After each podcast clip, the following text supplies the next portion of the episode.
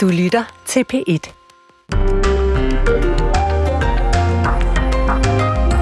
Vi kan sige velkommen til 3 timers morgenradio. Morgenradio med nyheder med baggrundanalyser.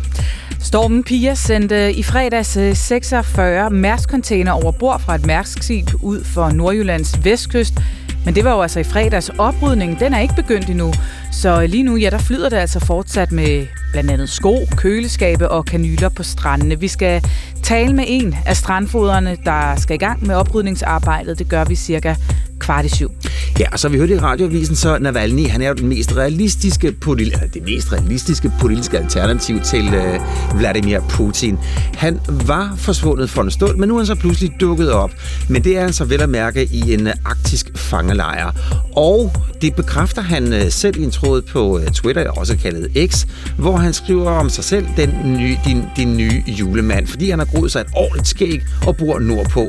Så humoren er der stadig. Men øh, hvad bliver hans skæbne i det, der bliver kaldt for en af Ruslands strengeste fangelejre? Ja, det skal vi tale med Charlotte Flynn Petersen om cirka halv syv. Og så sidst i den her time, Bjarne, så skal vi ud og køre. Når jeg sidder her bag ved sædet, så, så føles det næsten som om der er en chauffør, så glemmer jeg helt, at der ikke er nogen chauffør. Men når jeg sådan kigger rundt og kigger, og kigger på rettet, der bevæger sig helt af sig selv, det er fascinerende. Ja, det er så fascinerende. Det er jo vores USA-korrespondent, Jakob Krog. Mm, han har været ude og køre i en ja, selvkørende taxa, altså helt uden chauffør. Og dem kommer der altså flere af i øh, amerikanske byer, hvor taxaerne måske også har et lidt øh, blakket ry. 10 minutter i syv, så skal du øh, høre om øh, Jakob Krog så overlevede den her tur. Altså, det vil jeg måske godt spoile, det gjorde han, men hvordan det gik, det, det skal vi dykke ned i der. Her i studiet her til morgen er vi Pernille Rudbæk og Bjarne Stensbæk. Ja, og efter at både Israel og Hamas har afvist Ægypternes forslag til en varig fred i Gaza, ja, så kommer den israelske premierminister Benjamin Netanyahu nu med, med tre forskellige krav. Ja, de lyder sådan her. Palæstinenserne skal afradikaliseres, Gaza skal afvæbnes, og Hamas skal knuses. Det er tre krav, som han skriver om i den amerikanske avis Wall Street Journal. Og så godmorgen til dig, Allan Sørensen. Godmorgen. Du er mellemøstkorrespondent for Christi Dagblad, og du er med os fra Israel, fra Haifa. De her tre krav, med de tre krav i ærmet, altså hvor lange er udsigterne så for, for fred i, i Gaza? Jamen, de er, de er temmelig lange. Øh, dels fordi, at øh, israelerne debatterer her til morgen, og også i går, øh, om det overhovedet er muligt at opnå de her tre mål. Og så debatterer de, hvordan, øh, Øh, hvis man ønsker at opnå målene, hvordan er det så muligt? Altså, krigen har jo varet næsten tre måneder nu, og, og Hamas er stadigvæk ikke nedkæmpet. Så det første mål med at nedkæmpe øh, Hamas øh, militært set har, har, har stadigvæk lange øh, udsigter. Og det er som om Israel i øjeblikket øh, øh, intensiverer bombardementerne og også øh, landoffensiven i de mellemste dele af, af Gazastriben, men samtidig også taler om, at man rykker mod en, en tredje fase af krigen, som vil vare i helt op til 12 måneder. Og det er jo tidshorisont, at man overhovedet ikke, eller man hidtil ikke har snakket om. Øh, man har snakket om uger og måneder, men ikke 12 måneder, som man gør nu. Mm. Og en af de tre krav, det er, at palæstinenserne skal afradikaliseres. Altså, hvad betyder det? Jamen, det, det, det ved vi faktisk ikke, fordi Netanyahu giver ikke nogen detaljer, og det er også det, der er så... Øhm, det, det, det, der er så frustrerende for, for mange, øh, og jeg tror også frustrerende for amerikanerne, frustrerende for israelerne, fordi de ved ikke helt, hvad det betyder. Altså, de ved godt, at øh, hvad afradikalisering betyder øh, generelt, men betyder det, at Netanyahu vil have dem til at læse øh, andre skolebøger, at, at, mm. at han simpelthen vil skole palæstinenserne øh, anderledes øh, efter krigen i Gaza. Der bliver ikke lagt noget frem, og, og, og indtil videre er det her bare ord øh, fra den israelske premierminister. Ja, så Hamas skal knuses, øh, der skal ske en afradikalisering, og så det sidste punkt, demilitarisering. Ja, hvad betyder det? Demilitarisering betyder, øh, ifølge Netanyahu, at der ikke må være øh, væbnede palæstinensiske grupper i Gaza efter krigen. Ikke Hamas, ikke Islamisk Jihad og ikke nogen af de andre. Altså, der må simpelthen ikke øh, Øh, kunne komme våben ind i Gaza. Øh, der må ikke kunne komme sprængstoffer ind i Gaza. Og kort sagt må der ikke skabes en situation, hvor en eller anden, altså enten Hamas eller en eller anden anden palæstinensisk gruppe, vil kunne angribe Israel fra Gaza, som det skete den 7. oktober. Ja, og så som vi kan høre, så betyder det her med de her krav, hvis man skal tage dem alvorligt, at der er udsigt til en lang, lang krig. Men hvad er, hvis vi kører videre derfra og så kigger på, hvad er fremtiden for, hvordan ser fremtiden ud for, for Gaza? Altså, hvad er israelernes planer? Israelernes planer, øh, som, som jeg hører det lige i øjeblikket, er at bevare øh, øh, soldater i Gaza, i hvert fald i løbet af, af det næste års tid. Øh, men ikke så intens, som de, de, de er til stede i øjeblikket, men stadigvæk intens nok til at kunne føre kampe øh, enten dagligt, eller når Israel finder det, be, eller øh, finder det belejligt. Øhm, og det er så i den, den langsigtede kamp mod Hamas, fordi man, jeg tror, man har forstået, at, at man ikke kan øh, nedkæmpe Hamas her på øh, altså her i løbet af de næste uger eller måneder, og derfor strækker man det, det er i hvert fald intentionen, og det er det, det, det, jeg hører, at man vil strække det over øh, mindst 12 måneder mere, og måske endda længere tid end det. Så de her 12 måneder, for det lyder jo det lyder voldsomt lang tid, når vi kun har været i gang i et, i et par måneder nu her. Altså, det er 12 måneder med en anden form for krig, end den vi ser nu. Ja, det er det, israelerne kalder den tredje fase. Det, det er mindre øh, intenst, end det, vi har oplevet øh, indtil videre. Og jeg tror også, det er et signal til amerikanerne, altså den her øh, neddrosling af intensiteten. Øh, det er ikke det, vi ser lige nu. Altså lige nu er der virkelig hårde kampe, og der bliver ramt mange mål, og der er masser af israelske soldater inde i Gaza.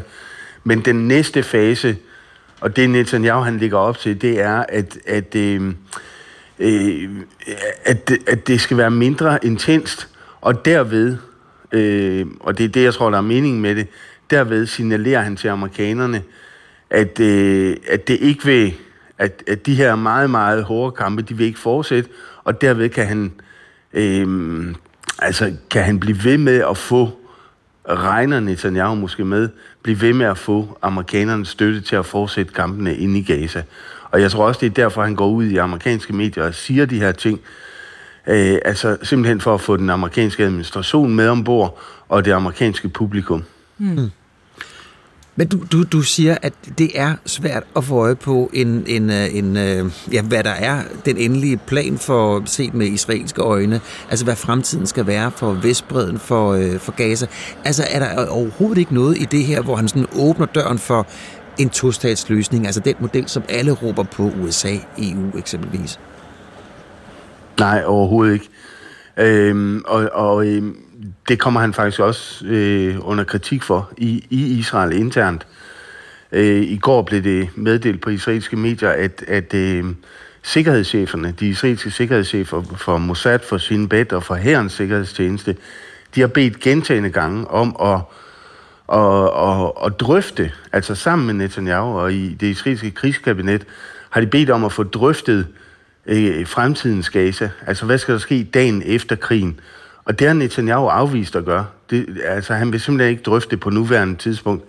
Og det er jo frustrerende, fordi hvis hæren skal opfylde de krav og de mål, som Netanyahu han sætter, så skal de også vide, øh, hvad der skal ske bagefter, øh, for eksempel. Men det bliver altså ikke debatteret og der er ingen detaljer øh, på bordet, udover de her tre sådan meget øh, ladede ord med afradikalisering og demilitarisering og, og nedkæmpelse af Hamas.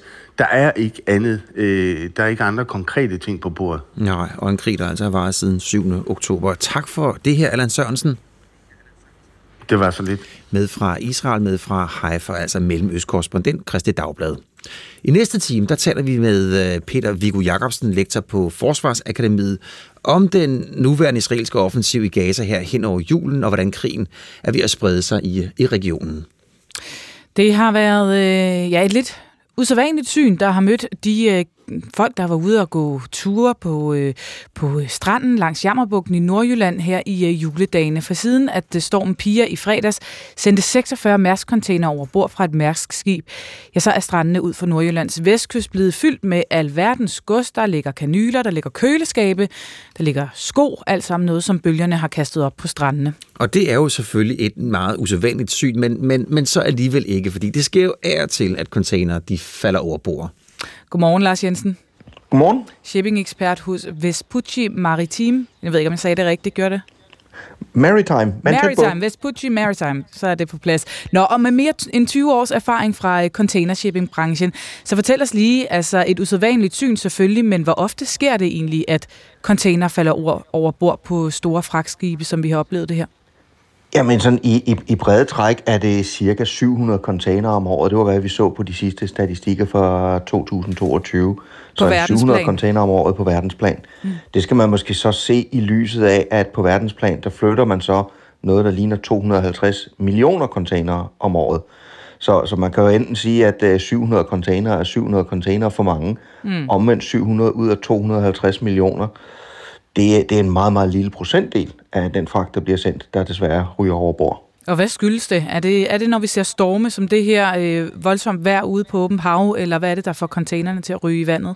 Ja, det, det sker typisk af to årsager. Enten hvis der virkelig er dårligt vejr, og man kan være uheldig, at øh, på trods af, at man gør, hvad man kan for at få suret de her containere fast, så er det enorme kræfter, vi taler om, og så ryger der nogle containere over bord.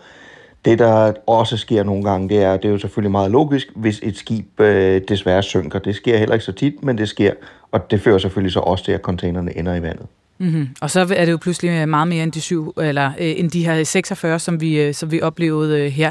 Øh, man kan sige, hvis det er noget, man ligesom regner med, at det sker en gang imellem, selvom at procentsatsen jo er ganske lille, øh, så kan man jo øh, undre sig over, at, øh, at der nu bliver sat alt muligt arbejde i gang. Der er den maritime hav, øh, havarikommission, som, som ligger under Erhvervsministeriet, som skal til at undersøge ulykken inden øh, inden for, som, øh, eller sluddervrøvl, som normalt undersøger ulykker inden for skibsfart, skibsfart, som skal i gang med at undersøge den her sag. Hvordan kan det være, at man skal undersøge den, når vi ved jo godt, at det var stormen, der fik øh, containerne til at ryge i vandet, og det sker altså en gang imellem? Det, det skal man jo som regel, når der sker ulykker til søs. Det kan godt være, at man har en formodning om i det her tilfælde, at det er vejret. Det er det sandsynligvis også. Men uden man går ind og undersøger det, så ved man det jo faktuelt ikke. Det, det er jo altid udmærket netop med ulykker til søs at få lavet en ordentlig undersøgelse. Det kan jo være, og det ved vi jo ikke, men det kan jo være, at det skyldes noget andet. Og så må man jo tage bestik af, er der noget, vi kan lære? Er der noget, vi kan gøre bedre? For, for et par års tid siden, der var en meget slem øh, vintersæson i Stillehavet 2020-2021, hvor der over den ene sæson alene røg en 3-4.000 container i, i havet i Stillehavet, hvilket var et ekstremt event i forhold til, hvad man plejer at se.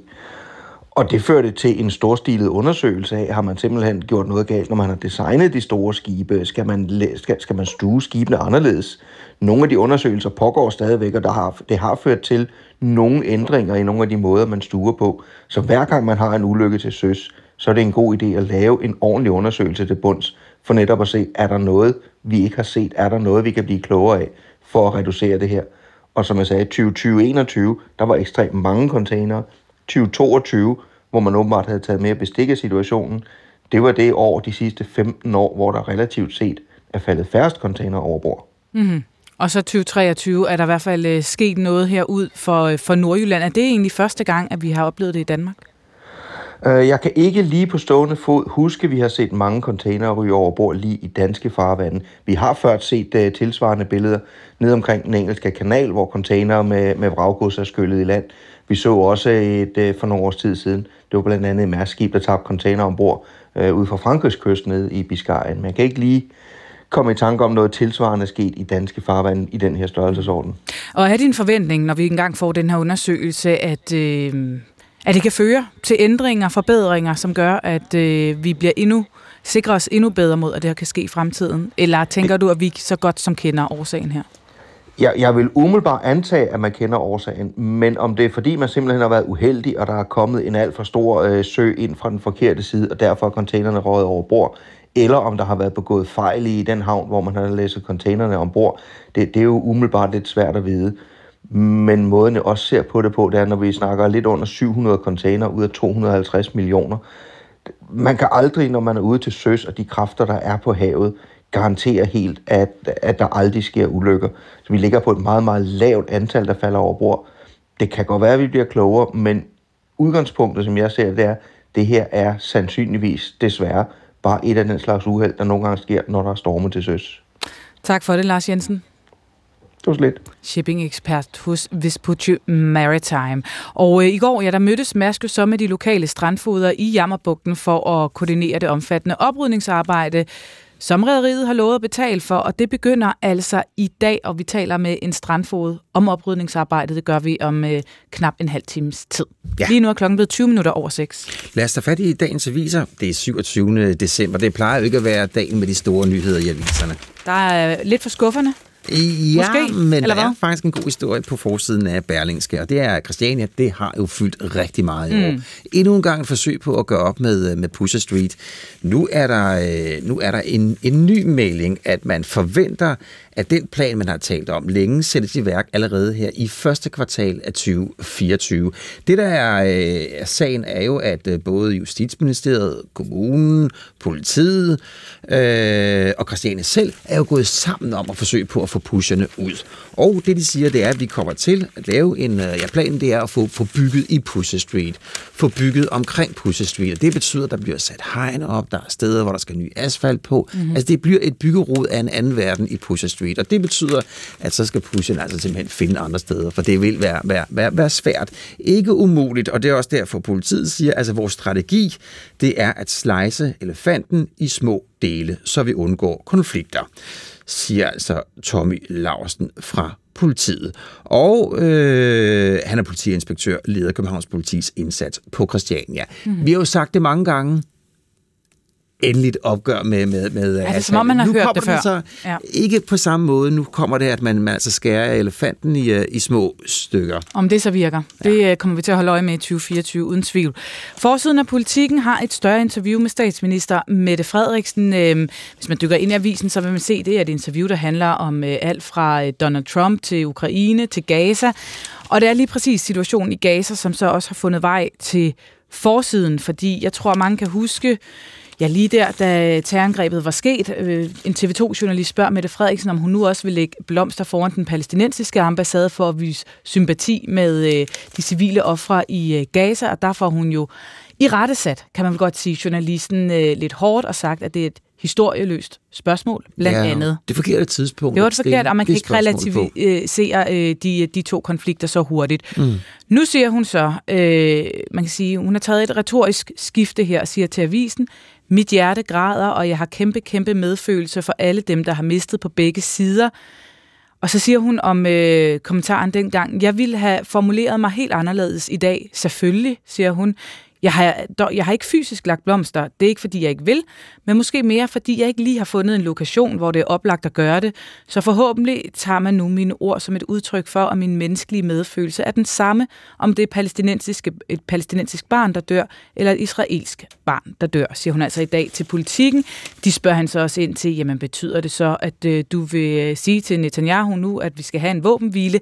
Det vil hun ikke. Hun siger også, at det er ikke en politisk beslutning, om Israel eller andre lever op til krigens love. Det har vi et internationalt system, som holder øje med, monitorerer og konkluderer på. Men øh, hun siger så, at det ændrer ikke på, at vi har brug for flere våbenhviler og pauser i handlingerne for at få nødhjælp ind. Men en permanent våbenhvile, det kommer hun ikke til at bede Netanyahu om.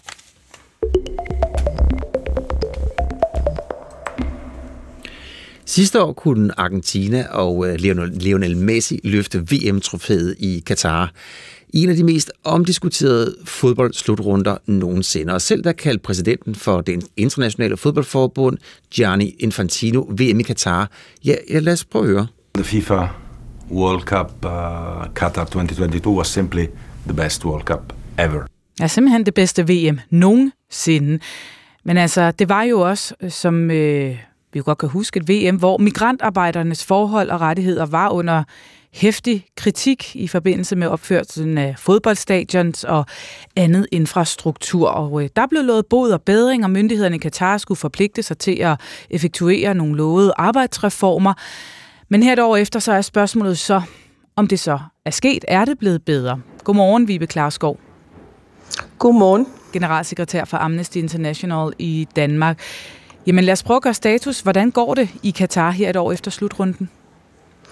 Jamen for at sige det øh, meget kort, så kan man sige, at der har været nogle øh, få fremskridt, men de fremskridt de overskygges af Katars manglende håndtering af snyd og misbrug, som, øh, som migrantarbejderne er udsat for fortsat. Okay, lad os starte med de små fremskridt, du snakker om her. Hvad er det for nogle? Jamen, øh, meget tyder på, at noget af det, der har været allermest effektivt øh, i de forandringer, der er sket, er, at øh, der har været et opgør med det her med, at øh, migrantarbejderne på byggepladser blandt andet arbejder i øh, ekstrem hede.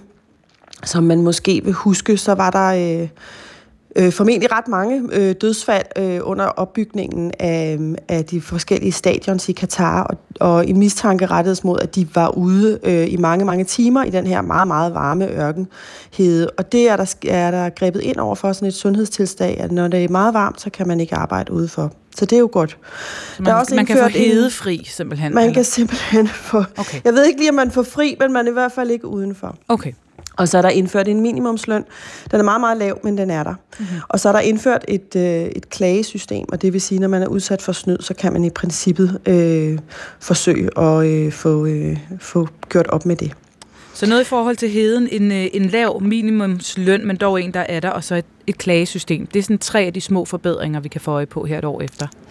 Ja, og de kunne jo være gode øh, og vigtige. Udfordringen er, at, øh, at de indføres på skrømt. Øh, især klagesystemet øh, synes ikke at være øh, effektivt og garanterer på ingen måde øh, retfærdighed. Og det handler om, at noget af det, som, øh, som virkelig stadigvæk er en stor problemstilling, det er at mange af de migrantarbejdere, der stadig er i landet, rapporterer om øh, snyd med deres løn. Altså at deres øh, lønudbetalinger enten ikke kommer, eller kommer meget, meget sent. Og, øh, og vi har talt med flere migrantarbejdere, som, øh, som øh, bliver lovet, at øh, den første måneds løn, den kommer ikke, men så kan man forvente at få løn øh, næste måned eller næste måned igen, og nogle af dem oplever, at der kan gå lang tid, før der kommer noget.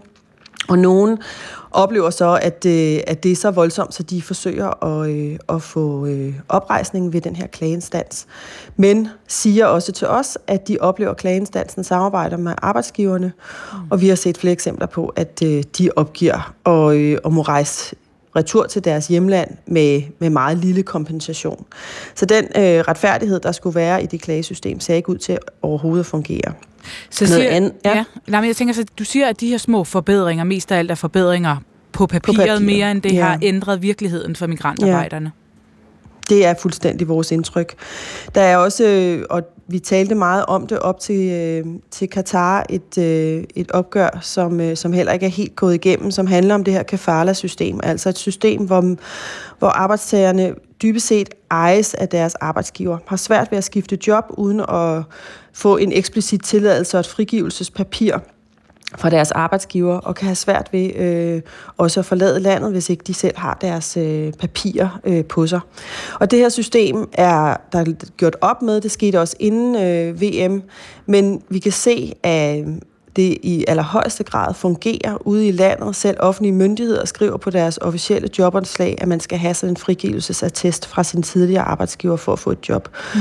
Og det betyder, at man ikke rigtig er fri til at gøre det, man vil, og, man kan, og det bliver brugt som et pressionsmiddel. Altså hvis ikke du opfører dig ordentligt, så får du ikke dit frigivelsespapir. Og det vil sige, at man bliver stadigvæk fastholdt i noget, der kunne minde om et slavelignende arbejdsforhold. Mm. Og det er også ret alvorligt. Men du siger jo alligevel, altså der er det i det små, og måske mest på papiret, papiret, men trods alt er der et eller andet, der har rykket, så der er sat nogle bevægelser i gang. Er det ja. omvendt ikke også noget, man skal anerkende, og måske også øh, ja, bare indse, at, at det er små skridt, før vi, øh, vi når nogle steder i et land som Katar? Jo, jeg synes bestemt, man skal anerkende, at det jo faktisk lykkedes øh, den internationale fagbevægelse og menneskerettighedsorganisationer og jo også fans at lægge et pres på, på Katar og bede om forandringer øh, sådan at, øh, at misbrug af de her migrantarbejdere kunne holde op. Og jeg synes, man skal anerkende, at der er sket nogle politiske reformer. Mm-hmm. Og normalt vil man jo også sige, at reformer tager tid at implementere. Men hvis man ser på det fra et migrantarbejderperspektiv, og det gør vi i Amnesty, så er det her simpelthen ikke rimeligt, at man bliver behandlet som andenrangsborger i et i øvrigt velstående og velfungerende land på mange måder. Altså det her, det synes vi er dybt urimeligt. Og vi peger jo både på Katar og siger, at det her må I simpelthen gøre bedre, og vi bliver ved med at presse dem for forbedringer for at de her migrantarbejdere kan opnå retfærdighed og, og sikkerhed i deres arbejde. Men vi synes jo også, at at øh, FIFA har øh, en, en rolle at spille, og at de også løb fra deres ansvar. Mm. For de lovede, at de ville kompensere de, øh, de arbejdere, der var blevet snydt, og især kompensere de familier, som mistede et familiemedlem under de her byggerier. Og det er ikke sket endnu. Så I øh, fortsætter med at lægge pres både på Katar og også på FIFA, og der bliver sikkert også noget at holde øje med, når vi ser frem mod øh, næste VM-slutrunde, som bliver i Saudi-Arabien 2034. Det holder I også øje med at gå ud fra. Det kan du tro. Altså, øh, FIFA har jo selv sagt, at menneskerettigheder skal indarbejdes i de budrunder, der er, øh, når lande lægger billet ind på et værtskab. Og har selv sagt, at man ønsker, at der skal være menneskerettighedsrisikovurderinger, øh, når man udvælger et land. Man er optaget af, at der ikke sker snyd med arbejdstagerrettigheder. Man vil ikke acceptere antidiskrimination. Øh, man er optaget af pressefrihed og ytringsfrihed. Og det er klart, når man så øh, står over for VM, øh, som kan være i Saudi-Arabien eller andre steder, så er der jo selvfølgelig en meget, meget stor forventning om fra vores side, at FIFA faktisk lever op til sine egne politikker og tager de her øh, skridt til at sikre, at et VM aldrig kommer til at gå ud over mm. mennesker i et land, sådan som det skete i Katar. Vi, øh, vi må se, om vi også alle, alle sammen skal til at, at sige boykot Saudi-Arabien, eller hvor vi ender henne i 2034. I hvert fald forløbig tak for at være med, øh, Vibe Klarskov. Selv tak. Generalsekretær for Amnesty International i Danmark. Og i næste time, der skal vi tale med fagforeningen 3F om øh, migrantarbejdernes vilkår i Katar. Men først skal vi have et nyhedsoverblik. Det kommer her med, øh, med Maria Don, og klokken den er ja, halv syv. Flere unge får hjælp til at få styr på deres afhængighed af alkohol. På bare øh, fem år er antallet af unge mellem 15 og 24 år, der kommer i alkoholbehandling, steget 66 procent. Ifølge interesseorganisationen Alkohol og Samfund, så ved man ikke rigtigt, hvorfor flere kommer i behandling. Det siger direktør Ida Fabricius Brun. Det kan jo både skyldes, at, øh, at der er flere, der overhovedet har brug for alkoholbehandling. Det kan også skyldes, at, øh, at der egentlig altid har været det her behov i, i den her målgruppe, altså blandt unge, men at de først begyndte begyndt at række ud efter hjælp øh, nu. Men uanset hvad grunden er, så er det vigtigt, at de, der har problemer, får hjælp så tidligt som muligt, siger hun. Fra i dag og frem til den 1. januar, så kan du helt lovligt fyre nytårskrudtet af, men den periode, hvor man må gøre det, står til at blive væsentligt forkortet. Regeringen vil nemlig stramme reglerne, så det fra næste år kun skal være lovligt for privatpersoner at affyre fyrværkeri den 31. december og den 1. januar. Og det gør man for at tage hensyn til dem, der ikke nødvendigvis sætter lighedstegn mellem fest og fyrværkeri, siger erhvervsminister Morten Bødskov. Der er jo nogen, for hvem buller og brag ikke er sjovt. Vi har rigtig mange veteraner, som har været udsendt for Danmark, som for hvem det ikke er sjovt. Øh, og vi har jo også kæledyr og husdyr, hvor at øh, buller og brag øh, bare ikke er særlig sjovt. For første gang i over to uger har den russiske Putin-kritiker Alexei Navalny givet lyd fra sig.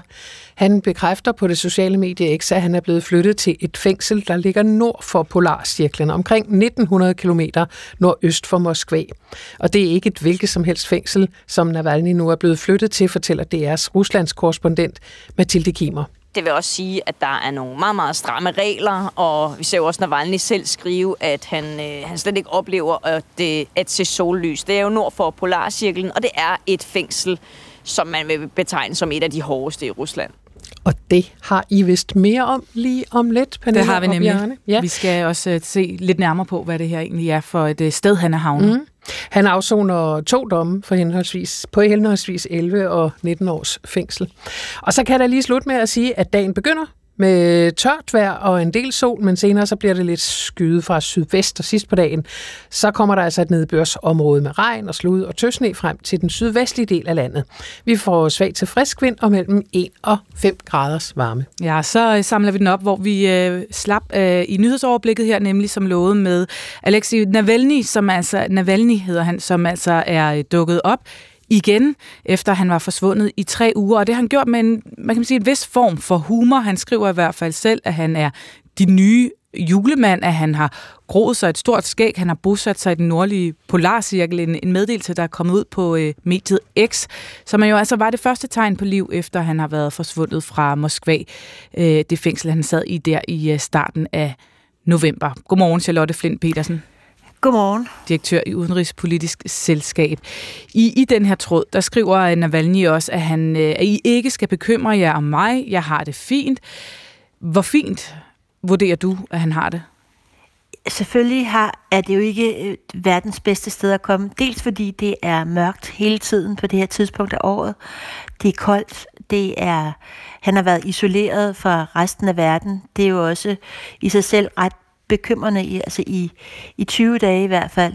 Så på den ene side, øh, og han siger også, at det har også været hårdt. Men han, øh, han, det, som han kan, og som er helt ufatteligt, det er, at han kan blive ved med at bevare det her, den her gejst, den, det her humør, og udsende beskeder, som, som gør, at øh, man alligevel tænker, at han har det okay, han er ikke knækket. Og hvad ved vi om det sted, hvor han ja, nu er endt?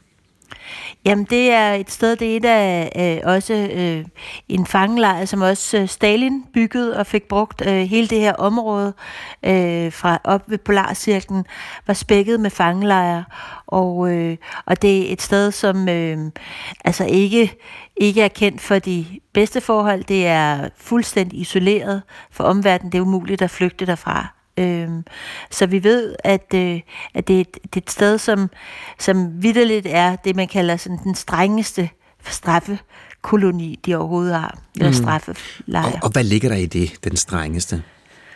Øh, der ligger det, at øh, det er kun særligt, særligt øh, farlige fanger, der kommer derop. Øh, det, der ligger det i det, at øh, netop den her øh, enorme isolation øh, på alle mulige måder, det vil sige, der er også begrænsninger på, om man må, hvad man må modtage, hvad man må sende ud, hvordan man må kommunikere med omverdenen. Øh, og, og, og det er heller ikke det sted, man lige kommer hen. Altså, det er ikke et sted, som andre lige kan komme til. Så hvordan, altså, hvordan er hverdagen for Navalny i sådan en øh, straffelej, fangelejr som den her? Øhm, det er lidt svært at sige, fordi altså, øh, vi kender jo, øh, måske nogle af os kender historien om Ivan, den, altså en dag i Ivan Denisovits liv, hvor, øh, og, og det var sådan en type straffelejr, han, var, han er i.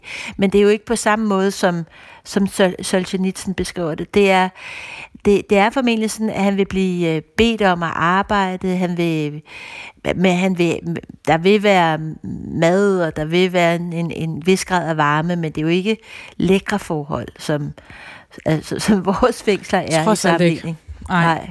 Det, det er en lidt anden virkelighed end et, et dansk fængsel. Og så alligevel, så øh, han altså lykkes med at udkomme med en, en besked på, på X. Hvor meget kan vi stole på, at det er Navalny selv, der har siddet og skrevet den her besked? Øhm, det, altså det, det, vi kan måske ikke stole på, at han har skrevet den her besked, men mindre det er noget, han har haft lejlighed til at skrive øh, under øh, hans tur. Øh, men i hvert fald så ved, øh, kender, kender hans øh, folk, de kender hans øh, jargon, hans humor, øh, og måske har han bare givet øh, den her advokat, der kom forbi og sagt, øh, som, som var den, den eneste person, som han lige har mødtes med, øh, skriv noget over julemanden, øh, og, og så Øh, så det er det, jeg gerne vil have. Og så de så samlet den op? Anvisning. Ja, så han, ja. Mm. men det ved vi ikke, mm. fordi øh, det er ret utroligt, at han kan skrive så lang og udførlig en besked øh, og få det videre øh, med øh, videre gennem hans advokat. Og hvad er det? Altså skriv noget om julemanden, hvis han så har, har gjort det. Det har de i hvert fald gjort, dem der så har, har skrevet den her besked. Hvad er det i forhold til Navalny og, og humor? Hvordan er det, han bruger humoren? Jamen lige nøjagtigt her, så er han, fortæller han jo simpelthen, at han er, han er julemanden, og på den måde er han også en julegave til os, eller til alle dem, som, som øh, ønsker frihed i, i Rusland. Og, øh, så, så han bruger humoren til at distancere sig fra Putin og hans folk, som på en eller anden måde er utrolig humørforladte. Og humoren bliver også en måde at øh, skabe en stemning af frihed øh, og, og nedbryde de her, øh, altså det her humørforladte, totalitære øh, øh, stemning, som, som Putin er med til at skabe. Ja, han slutter øh, sin tråd med at skrive, siden jeg er julemanden, så undrer du dig nok over mine gaver, men jeg er en special regime julemand, så det er kun dem, der har opført sig særligt dårligt, der får julegaver. Og så slutter han med sådan en, en blinke-smiley. Hvad er det for nogle gaver? Altså, kan vi forvente, at der kommer noget fra Navalny mod øh, Kreml? Øhm, ja, altså jeg tror i hvert fald, at han bare ved sin blotte eksistens vil forsøge at få så mange altså køre en kampagne op til præsidentvalget. Og det er også derfor, han formentlig er blevet isoleret. Det er for, at man vil undgå det. Men alligevel så lykkes det ham ved dels først for sit fravær at få opmærksomhed, og derved øh, dels ved at dukke op på den her humoristiske måde igen og fortælle, jamen jeg er tilbage, jeg har stadigvæk min gejst.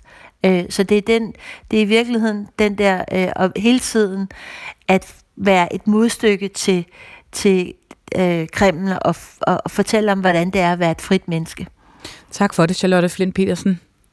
Selv tak. Direktør i Udenrigspolitisk Selskab. Klokken er blevet 20 minutter i syv.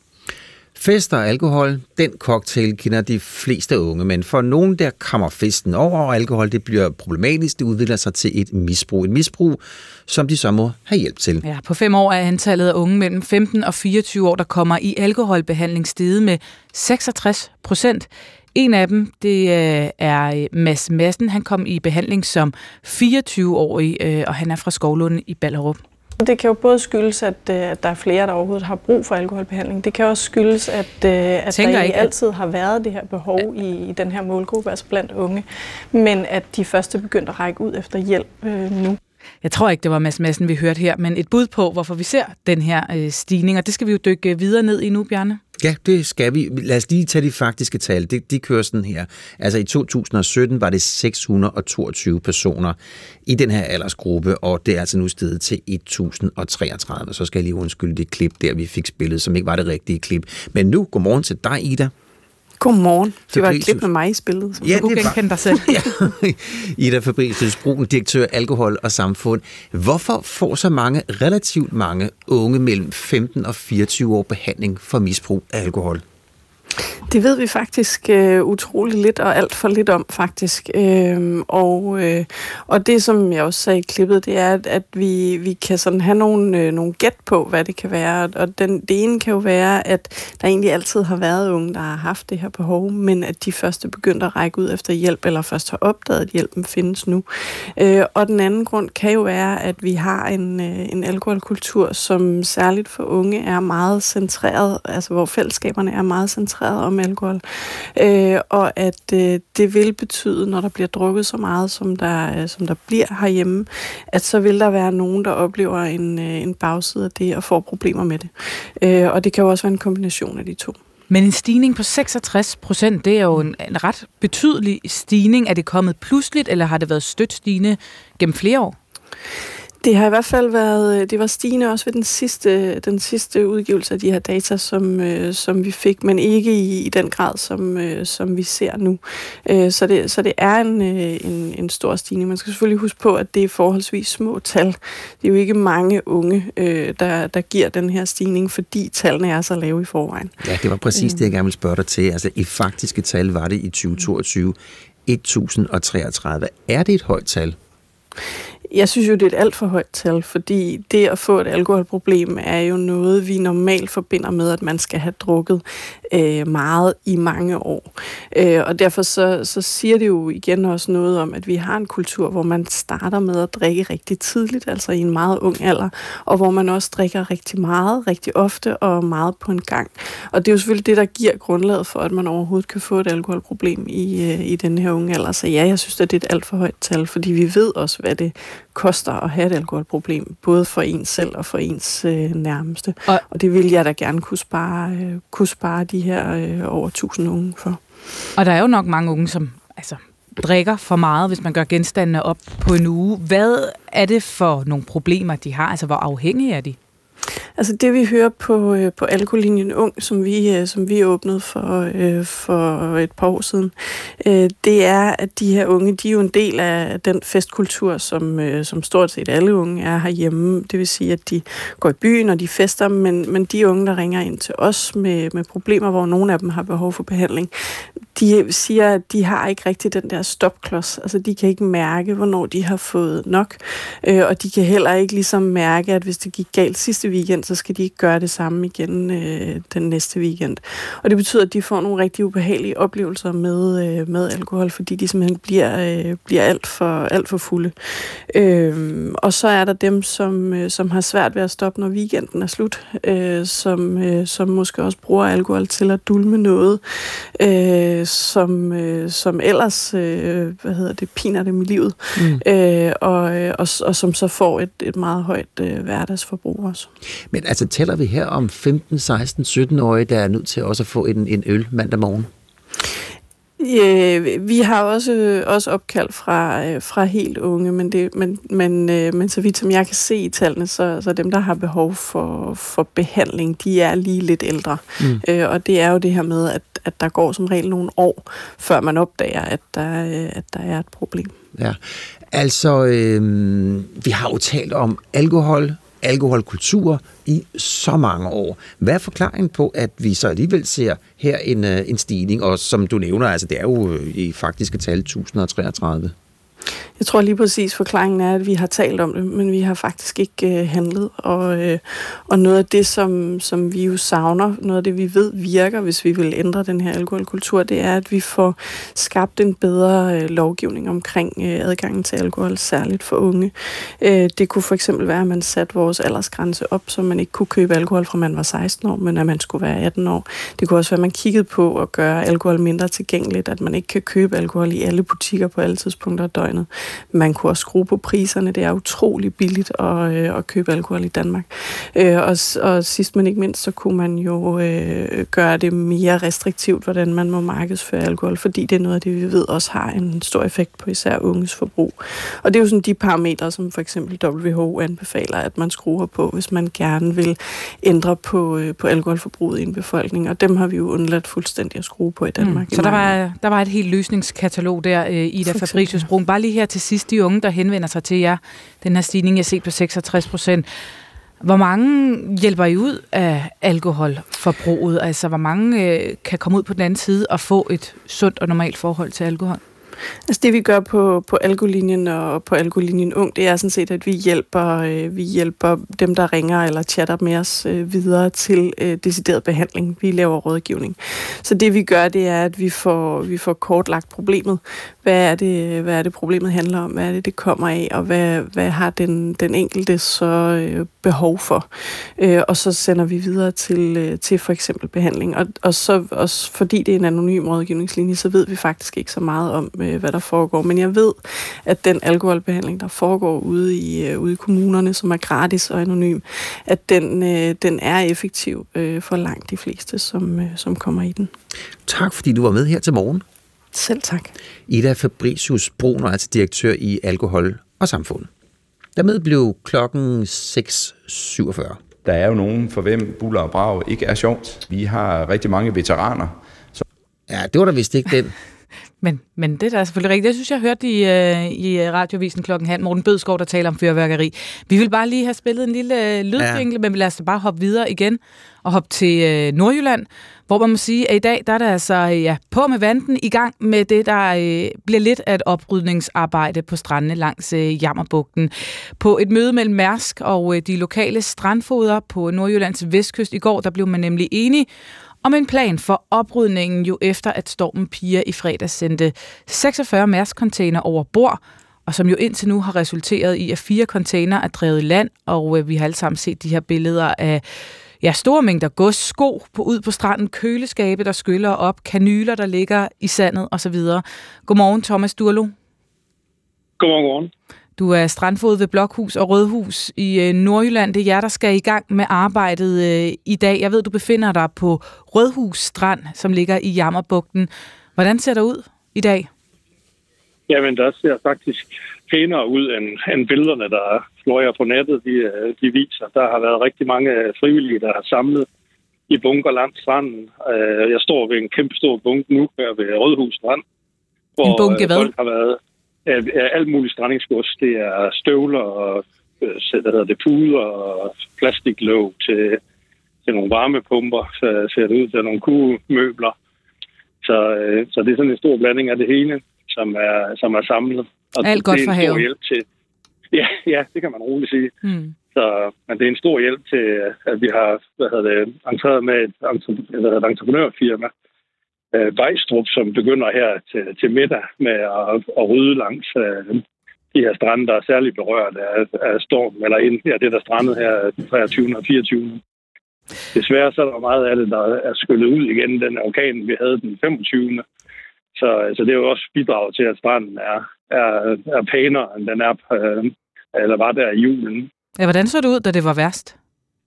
Jamen, det var helt forfærdeligt. Det var, øh, altså, i Øh, ved Bulbjerg, hvor det sådan begyndte, der var, det, der var der virkelig meget. Det er også der, der er strandet øh, container, øh, som var, var ind over hele stranden, og det bredte sig så ned over Tranum Strand øh, og Rødhus specielt, og så ned mod Blokhus. Og så i løbet af den 24. så var det faktisk nord for Blokhus også, at der begyndte at komme strandingsgods ind. Men det var altså et...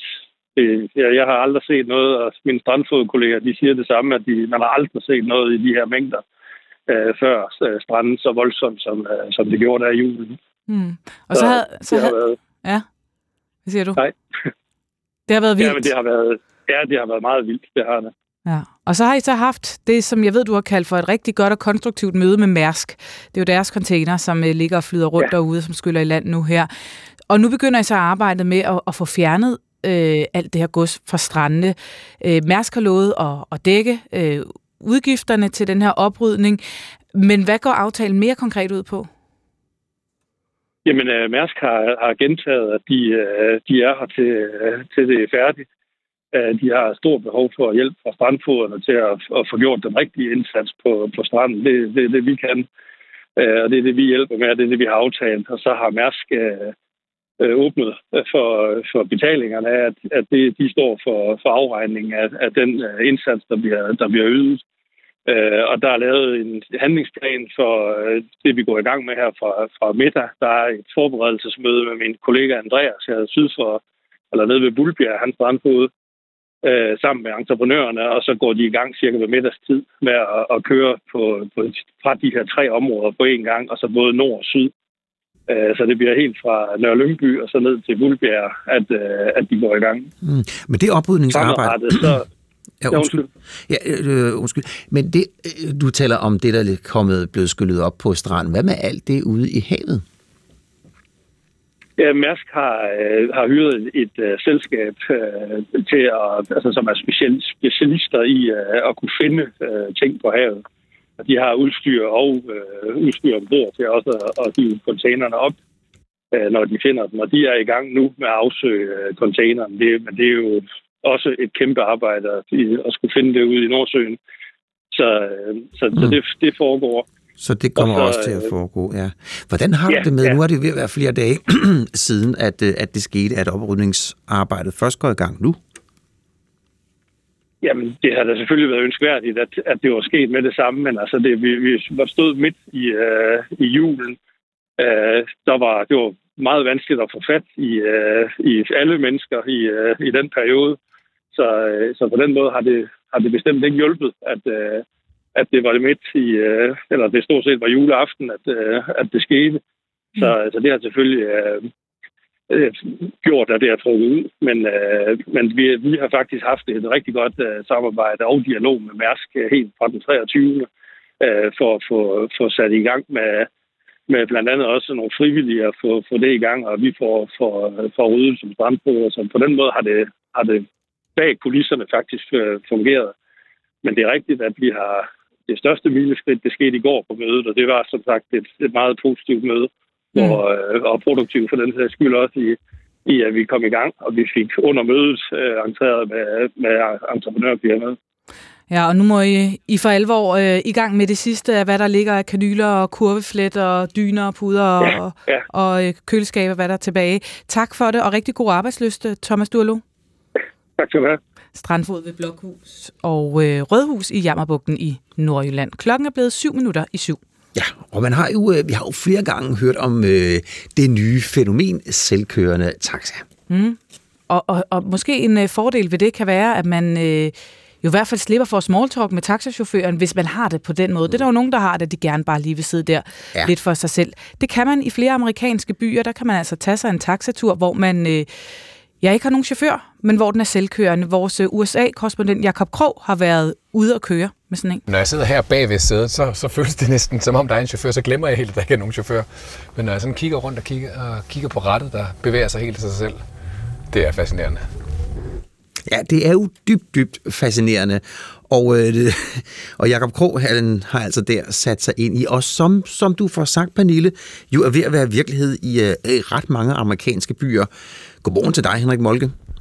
Godmorgen, godmorgen. Og det, det, det er jo fascinerende, men det er jo også, øh, det er jo også en, øh, en, øh, en branche, der har jo, der, der er jo nogle spøgelser, Mm. kan vi vel roligt sige.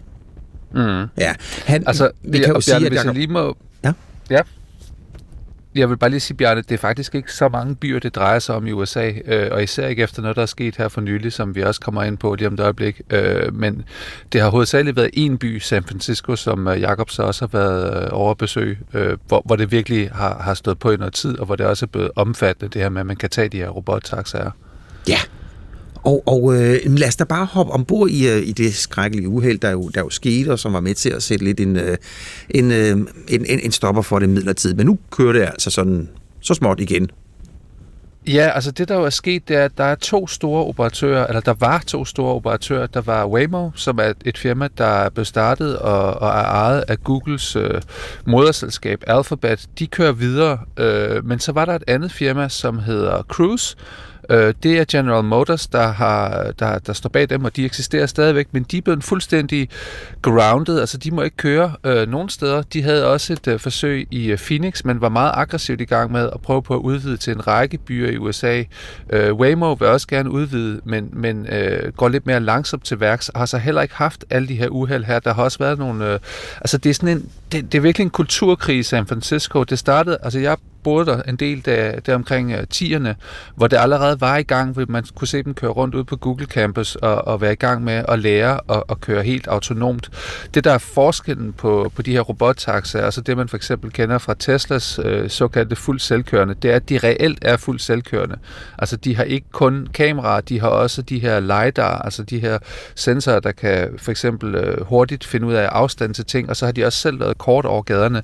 Så de kan i princippet køre helt selv, men hvis der så er et eller andet problem, og det er noget, det vi har fundet ud af på grund af den ulykke, der lige har været, jamen så kan menneskelige operatører så hoppe ind og hjælpe dem. Mm. Men det har man så set i San Francisco har ført til en hel del sådan mærkelige situationer, hvor de blandt andet stopper og, og Ja, står i vejen for... øh, inden du øh, Ja. går videre ned ad den vej, så lad os lige høre, fordi det øh, oplevede Jakob Krog så også, da han var ude at køre. Der skete blandt andet det her. Den kører jo meget mere forsigtigt, end, øh, end de taxichauffører, jeg er vant til at køre med. Så på den måde, der føler jeg mig pænt tryg. Men se, nu er jeg lidt spændt, fordi nu er der en øh, lastbil, som holder lidt i vejen og spærrer vejen for den. Kan jeg vide, hvad den så gør? Hvis der havde siddet en chauffør bag rattet, så ville han eller hun nok have set, at det var en øh, lastbil, som kom til at holde lang tid, og måske være kørt udenom, kørt den anden vej. Men det gør den her ikke, fordi den skal jo overholde reglerne, og det er kun det her spor, man drejer i. Og derfor der er den ligesom strandet nu. Så ser det ud, som om den kører så... Connected to rider support. Aha. Hi, Jacob. We are currently working to get you back in your way now. Nu bakker den. Ja, Henrik Molke, der er stadig lidt udfordringer her, altså hvor godt kørende er de her taxaer. Jamen, de kører faktisk på mange måder rigtig, rigtig godt. Øh, de er sådan lidt, øh, hvad skal Bare lidt sige, for godt øh, efter reglerne. Ja, fordi de overholder fuldstændig øh, reglerne og gør så nogle gange nogle måder, som mennesker aldrig vil gøre. Den her situation her, som Jacob, altså alt det her, det startede sådan set med det her uheld her, som vi dækkede i Prompt, øh, det podcast, som jeg er meget medværk på om, om kunstig intelligens, fordi det var utrolig interessant, fordi det lidt stil, stiller den her interessante paradoks, der er med de her robottaxaer lidt på spidsen, at de faktisk er meget sikre, og de også kører utrolig pænt. Men altså nogle gange for pænt, så hvis der er en eller anden situation, hvor de ikke kan finde ud af det, så, så enten stopper de på stedet, eller trækker ind til siden, øh, og, så, og så venter de enten på, at en operatør overtager og kører ud. Det er så også det, der sker for Jakob. Den holder ligesom inde i sådan en aflukket bane, hvor der er en, en, en flyttebil, der ikke må være, og den må ikke, den må ikke dreje til højre på andre steder. Og så skal den så ud igen af banen, og det er jo farligt, og derfor så står den bare der og venter, og så er der så en operatør, der kommer ind. Øh, og en af de ting, vi også fandt ud af på grund af det her uheld her, det var, at der er ret mange operatører. Altså der er faktisk øh, halvanden person per taxa, der arbejdede for Waymo. De har så fyret en hel masse nu efter det her uheld. Øh, men at de slet ikke er så selvkørende alligevel. Og, og Teslaerne er det jo slet ikke, fordi at, øh, der skal mennesket hele tiden sidde bagved og være klar til at overtage rettet. Øh, så har Mercedes i Tyskland så fået det, der hedder klasse 3 selvkørende biler, hvor man kan sidde i, i Stau i Tyskland øh, op til 60 km i timen uden øh, i princippet øh, at, at, at være klar ved rettet, men, men selv der er det ikke særlig selvkørende. Øh, men, men den her situation i, i, i San Francisco er bare utrolig interessant, fordi den på mange måder kan have afgørende betydning for fremtiden af, af den her selvkørende bil-drøm. Mm. Og øh, Henrik Molke, vi kan i hvert fald sige, at vores øh, gode kollega Jacob Krog, han kom øh, levende igennem den her taxatur. tak fordi du var med her til morgen, Molke. Selv tak. Det er tech-korrespondent. Ja, lige om lidt gør vi plads til en radioavis efter radiovisen Mere P1 Morgen, hvor vi blandt andet skal se videre på den fredsplan, som Netanyahu han, øh, ja, har luftet i Wall Street Journal her over julen med tre krav. Vi øh, skal gennemgå dem, så skal vi også se lidt nærmere på situationen i Gaza.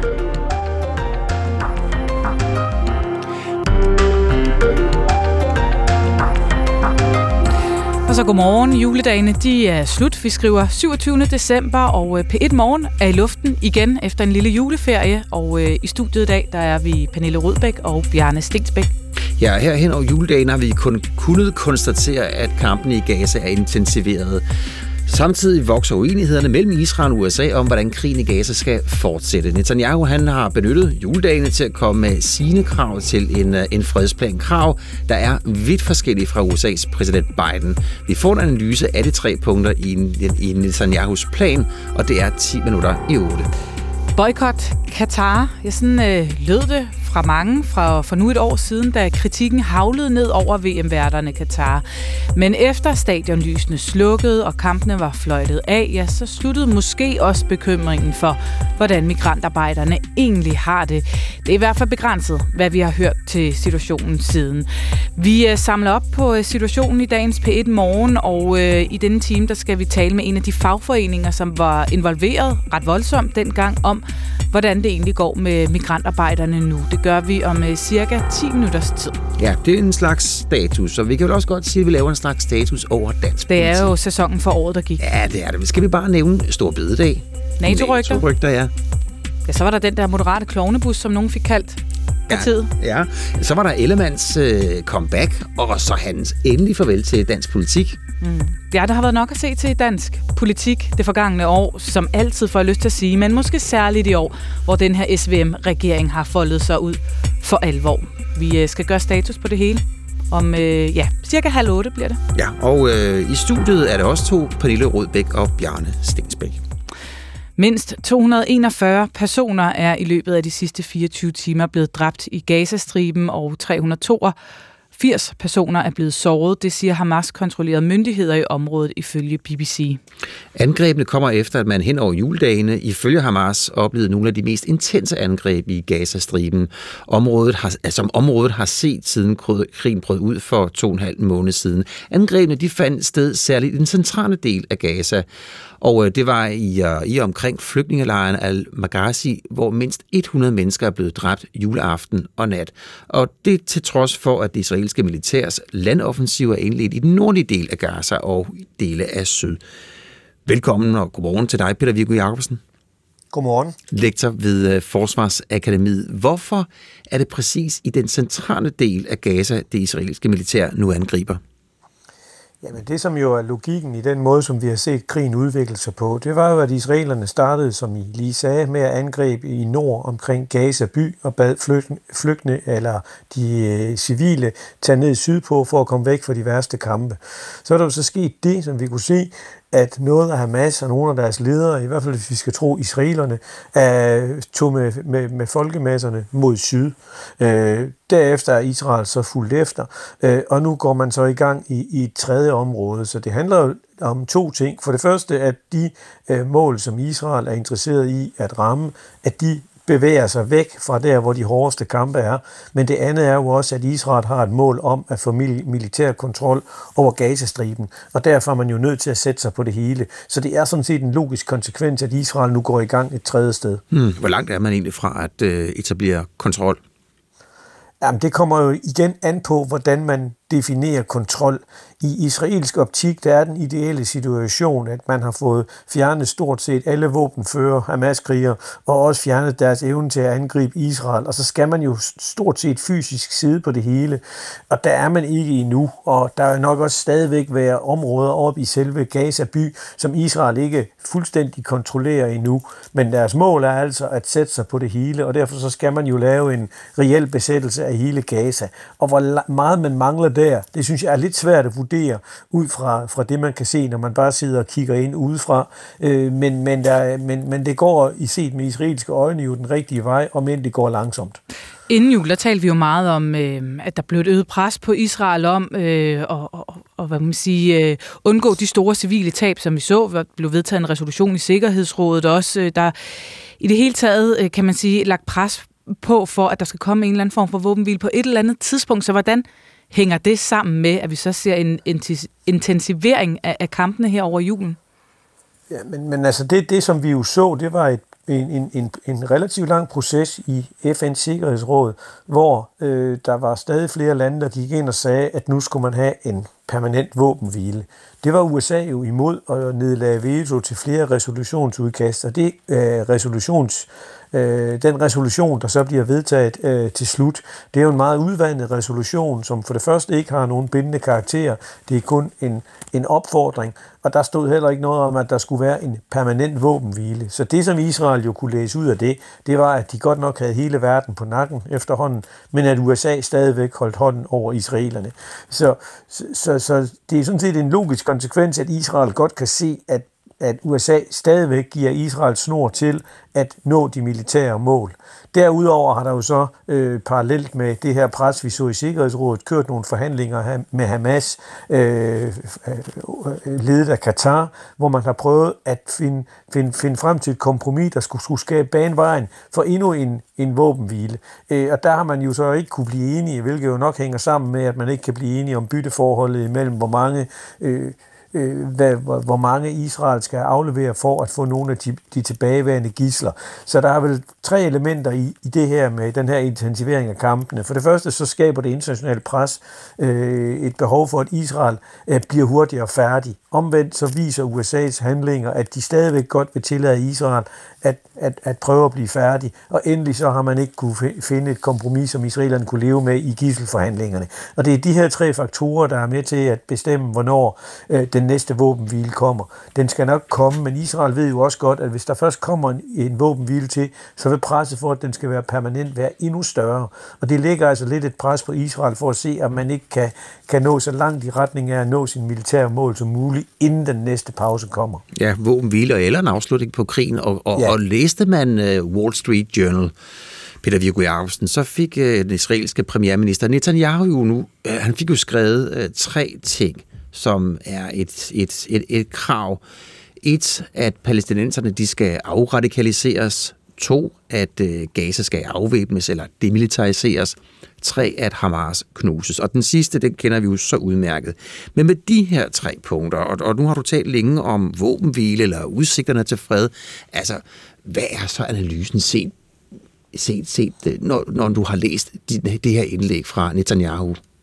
Jo, men det, det, er, jo, det, er, jo, det, det, er, jo, altså det, det er jo nødvendigt, hvis, hvis Netanyahu og Israel skal nå deres mål om, at Hamas og palæstinensiske radikale grupper aldrig må udgøre en trussel imod Israel igen. Så er du nødt til at fjerne den organisation, der har stået for det her øh, øh, inden fra Gaza. Det er Hamas. Du er også nødt til at få øh, palæstinenserne til at holde op med at tro på Hamas eller lignende organisationer, og dermed også tro på, at det giver mening at anvende øh, vold for at nå politiske mål. Og endelig så er man jo altså nødt til at have fysisk kontrol for at gør det umuligt for øh, radikale grupper at angribe Israel igen. Så det er en logisk konsekvens af det oprindelige mål, som, øh, som Netanyahu øh, satte sig med at forhindre, at Israel nogensinde bliver angrebet igen. Det kan du kun opnå, hvis du bliver inde i Gaza og har kontrol med det efterfølgende. Der er jo ikke nogen, der har lyst til at gå ind og være fredsbevarende styrke, hvis vi skal kalde det det, i Gaza, når krigen er slut. Og Israel ved også godt, at hvis de trækker sig ud hurtigt igen, så vil der ikke gå ret lang tid, så genopstår truslen. Så når man først er gået ind, så er man også nødt til at blive. Og det var jo også en af, af, af grundene til, at de nok har været sådan en lille smule træt af at diskutere at ind i selve Gaza. Altså blive inde i Gaza? Ja, jeg kan ikke se andre løsninger. Der er ingen andre, der har lyst til at gå ind og tage over og der er heller ikke nogen israelerne stor, stoler på. Det eneste alternativ, jeg kan se, kunne være spiseligt for Israel, det vil være en amerikansk øh, styrke, eller i hvert fald en amerikansk domineret styrke. Og da amerikanerne sendte øh, fredsbevarende styrker ind i Libanon tilbage i starten af 80'erne, der døde der øh, omkring 260 marinesoldater. Så jeg tror heller ikke, at amerikanerne har lyst til at stille sig derind, for de ved godt, at de bliver en lus mellem to negle. Øh, begge parter vil se skævt til dem, hvis de ikke gør, som øh, de godt kunne tænke sig så ingen har lyst til at tage den, den, den, den, den rolle. Det er simpelthen en urias post. Mm. Så derfor bliver Israel, Israel nødt til selv at gøre det. Okay. Hvordan hænger det sammen med, øh, med det punkt, der hedder afradikalisering? Altså, at man bliver hængende, altså fjenden bliver hængende inde i Gaza? Jamen, altså, det, det, er jo det, det er for mig at se meget svært at se, hvordan man skal opnå en afradikalisering. Fordi hvis man begynder at optræde som besættelsesmagt, så vil der jo være en, en, en, en, en daglig øh, mulighed for konfrontation. Og der er helt sikkert mange øh, inde i Gaza, som ikke bryder sig særlig meget om israelerne i lyset af det, som de nu er blevet udsat for, hvor vi er over 20.000 døde. Så, så, så det er jo, altså, men, men, men det er jo, det er jo nødvendigt. Øh, altså, hvis, hvis man skal ind og have kontrol, øh, så bliver man nødt til at være der. Og så, hvis man så også skal af, af, afradikalisere, så skal man jo også til at styre skolesystemet, hvilket FN jo ellers har været medvirkende til at drive før. Men jeg kan heller ikke se, hvordan den betingelse overhovedet kan lade sig gøre. Den er logisk nødvendig for, at israelerne øh, kan nå sit mål, men i virkelighedens verden tror jeg ikke, man kan. Og det er jo mm. også derfor, jeg har sagt siden der i den her krig, at Israel har sat sig selv et umuligt mål. Det, det kan simpelthen ikke lade sig gøre, at, at hvad det hedder med militær magt, øh, at, at, at forhindre, at der kommer nye terrorangreb. Det kræver en politisk løsning, og den har Israel jo ingen bud på, hvordan den skal se ud. I hvert fald ikke et bud, der har nogen gang i virkelighedens verden. Jeg kan ikke se anden for mig, at det skal være et eller andet tostandsløsningsagtigt, og der er simpelthen ikke, øh, jeg kan ikke se, hvordan man skal komme fra en, en, en militær sejr til Israel, og så hen til en tostatsløsning, som jo vil indebære, at Israel skal aflevere en masse land til palæstinenserne. Ja, og det bliver der så heller ikke nævnt noget om i det her indlæg fra Præcis. Netanyahu. Tak skal du have, Peter Viggo Jacobsen. Selv tak. God dag. Ja, i lige måde. Og øh, lektor ved øh, Forsvarsakademiet. Sidste den her time, der taler vi med øh, Steffen Gram, DR's internationale korrespondent, om hvad det mere præcist er, den her fredsplan, som øh, Netanyahu skitserer. Hvad det er, den indeholder, og hvem det er, han, øh, han henvender sig til. Mm-hmm. Lige nu er klokken blevet 16 minutter over syv. Og så spoler vi lige øh, tiden et øh, år tilbage, hvor det blandt andet lød sådan her fra FIFAs kontroversielle præsident Gianno Infantino. A big uh, shukran to uh, Qatar for having been a fantastic, incredible host. Congratulations. Ja, han fik sagt det. Stort tak til Qatar for at have været en fantastisk vært. Han fik kaldt VM for det bedste nogensinde VM i fodbold, da det var overstået, men VM i Katar var nok også et af de mest omdiskuterede VM nogensinde. Ja, det blev det jo, fordi migrantarbejderne i landet havde øh, mildest talt elendige forhold. Det blev dokumenteret, og det blev diskuteret, og landsholdet blev jo også bedt om at forholde sig til det. Der var fans, der valgte at boykotte VM. Alle havde en holdning. Ja, men siden de øh, sidste stadionlys blev slukket, så er der måske ikke helt så mange, som har bekymret sig om migranternes forhold. Det ved jeg ikke, om du har. Palle Bisgaard, godmorgen og velkommen til. Godmorgen. Næstformand i byggegruppen 3F. Op til VM, der var I jo øh, meget i medierne med jeres bekymringer om migrantarbejdernes forhold i Katar. I var også på besøg her hos os i P1 Morgen. I var enige i, at øh, det var kritisabelt, det der foregik dernede. Nu hører vi måske ikke så meget mere om migrantarbejdernes forhold i Katar. Er det så fordi, at alt er godt, og migrantarbejderne har fået det bedre? Nej, det er det jo desværre ikke. Og det er vi jo rigtig kede af, at øh, den indsats, som egentlig har været øh, gjort i, Katar, at den ikke har medført øh, bedre vilkår. Altså, desværre må vi jo sige, at, øh, at det måske i virkeligheden er sådan, at no, på nogle områder er de blevet forringet.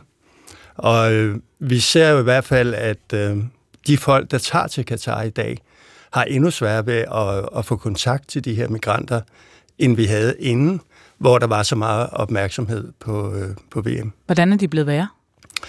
Jamen, tidligere, når vi øh, tog der ned i 20 og 21, så var det faktisk relativt nemt at komme i kontakt med migrantarbejderne. Når vi tog ind øh, øh, og forsøgte at afdække, hvordan bliver de egentlig behandlet, hvad er deres forhold i virkeligheden.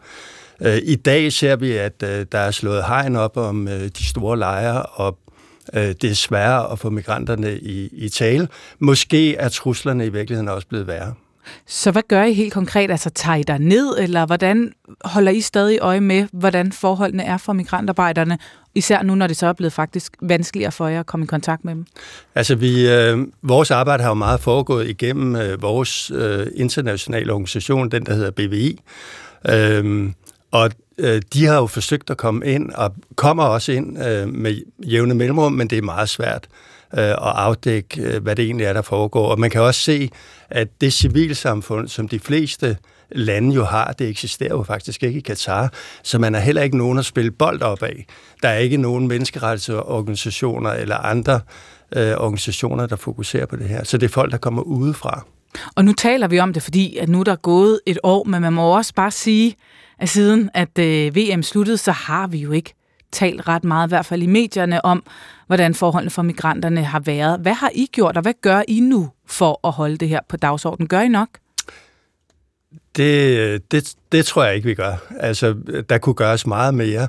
Øh, og man kan sige, at, at byggefagforeningerne i hele verden har jo nok været dem, der har gjort mest øh, for det.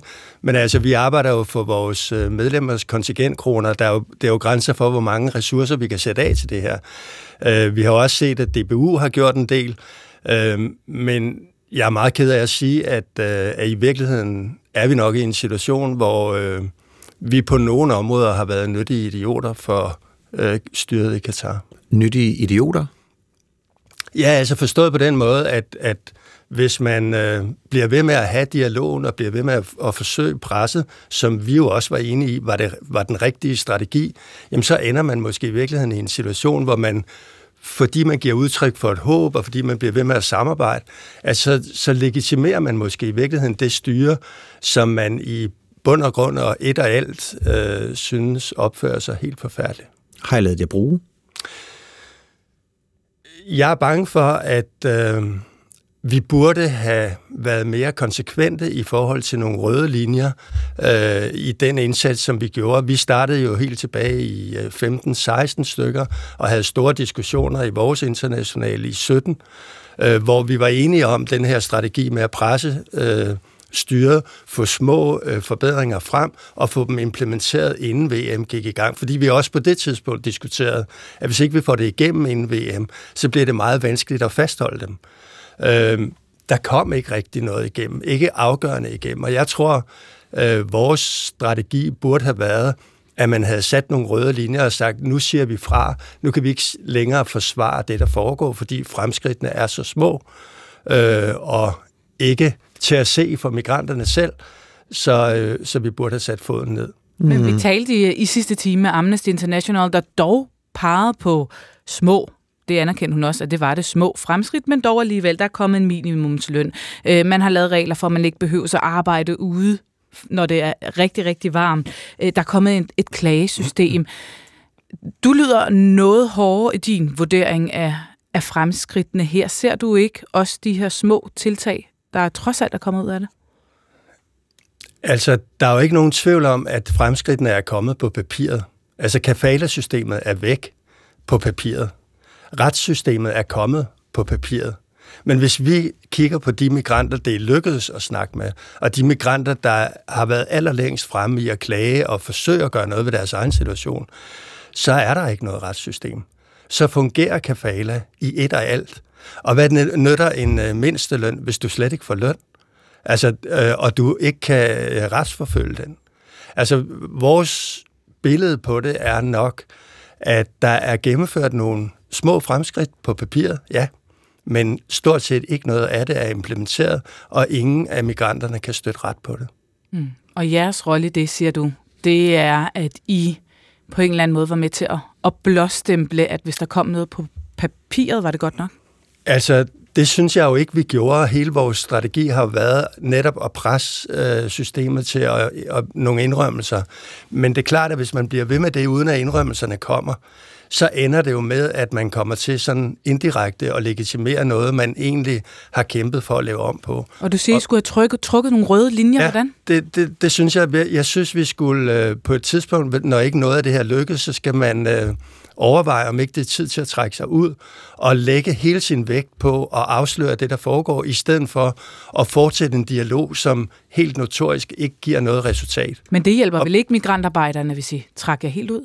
Altså, det her har jo heller ikke hjulpet, og, og man kan sige, hvad er det, der hjælper? Hvor, hvor, hvor øh, skal man lægge presse, så det er stærkt nok til, at der faktisk sker nogle forandringer? Og jeg tror, at hvis vi havde lagt al vores øh, kraft i og forsøge at afsløre det, der foregår, og at der ikke sker nogen reelle forandringer, så vil det pres måske kunne have medført nogle andre ting blandt andet på Infantino og, og FIFA, men jo også på verdens regeringer. Altså, hvor, hvor, hvor længe vil vi se politisk på, at, øh, at de her big events øh, betyder tusindvis af dræbte og øh, arbejdsforhold og forhold i det hele taget, som er under al kritik. Ja, og næste gang, der er, ikke næste gang, men øh, der er også et VM i Saudi i 2034. Den selvrensagelse, du her er i gang med, hvad kommer den til at betyde for Saudi 2034? Altså, det er jo det, vi øh, tænker frem mod. Altså, vi kan ligesom ikke gøre det om, vi har gjort i, i Katar, men vi kan øh, begynde på denne her diskussion allerede nu. Den øh, er vi i fuld gang med. Øh, og en af de store diskussioner bliver jo, hvordan skal de her røde linjer så være? Hvordan gør man det? Og, og hvis man ikke lykkes med at lave reformer, øh, eller skridt fremad, øh, hvordan øh, trækker man så de her røde linjer, sådan så det faktisk har en betydning for de migranter.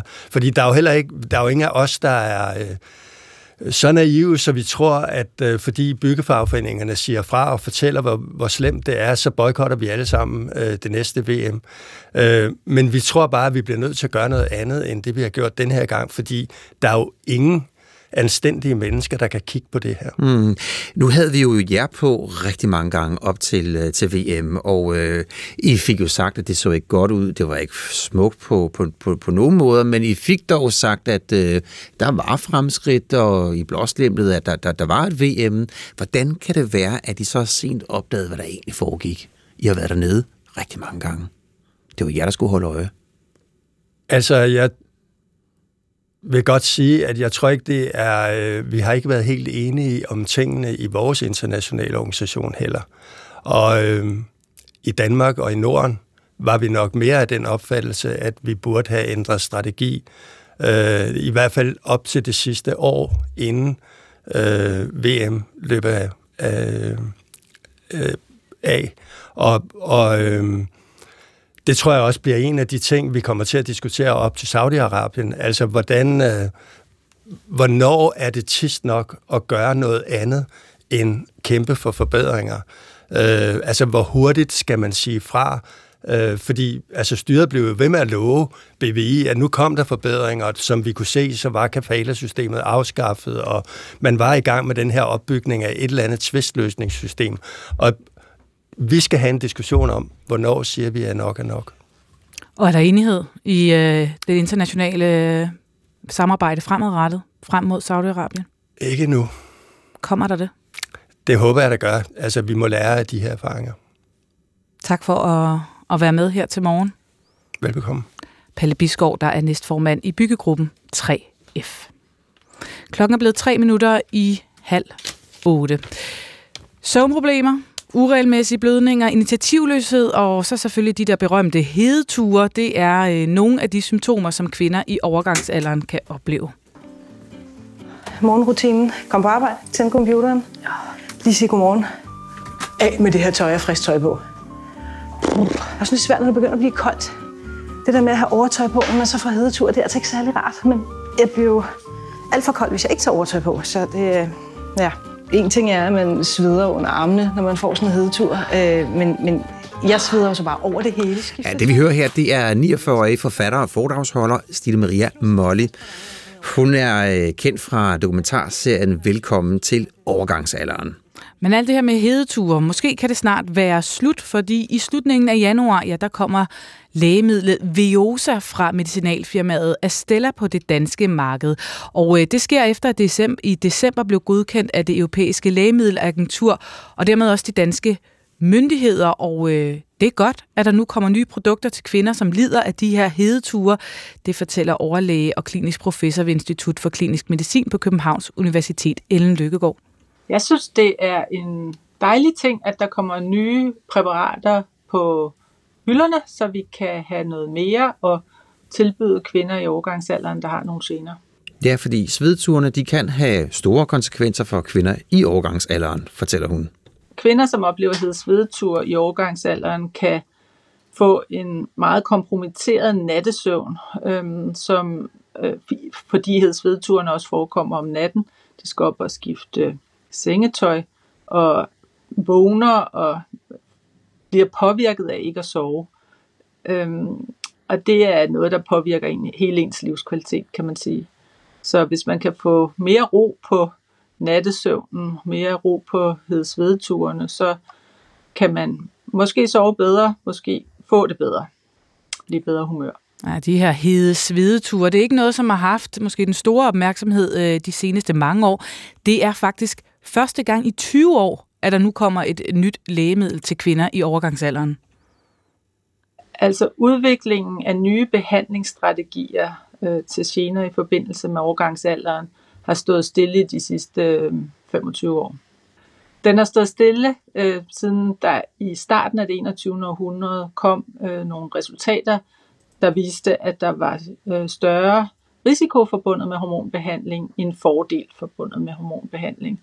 Og derefter så holdt folk op med ligesom at udvikle området, kan man sige.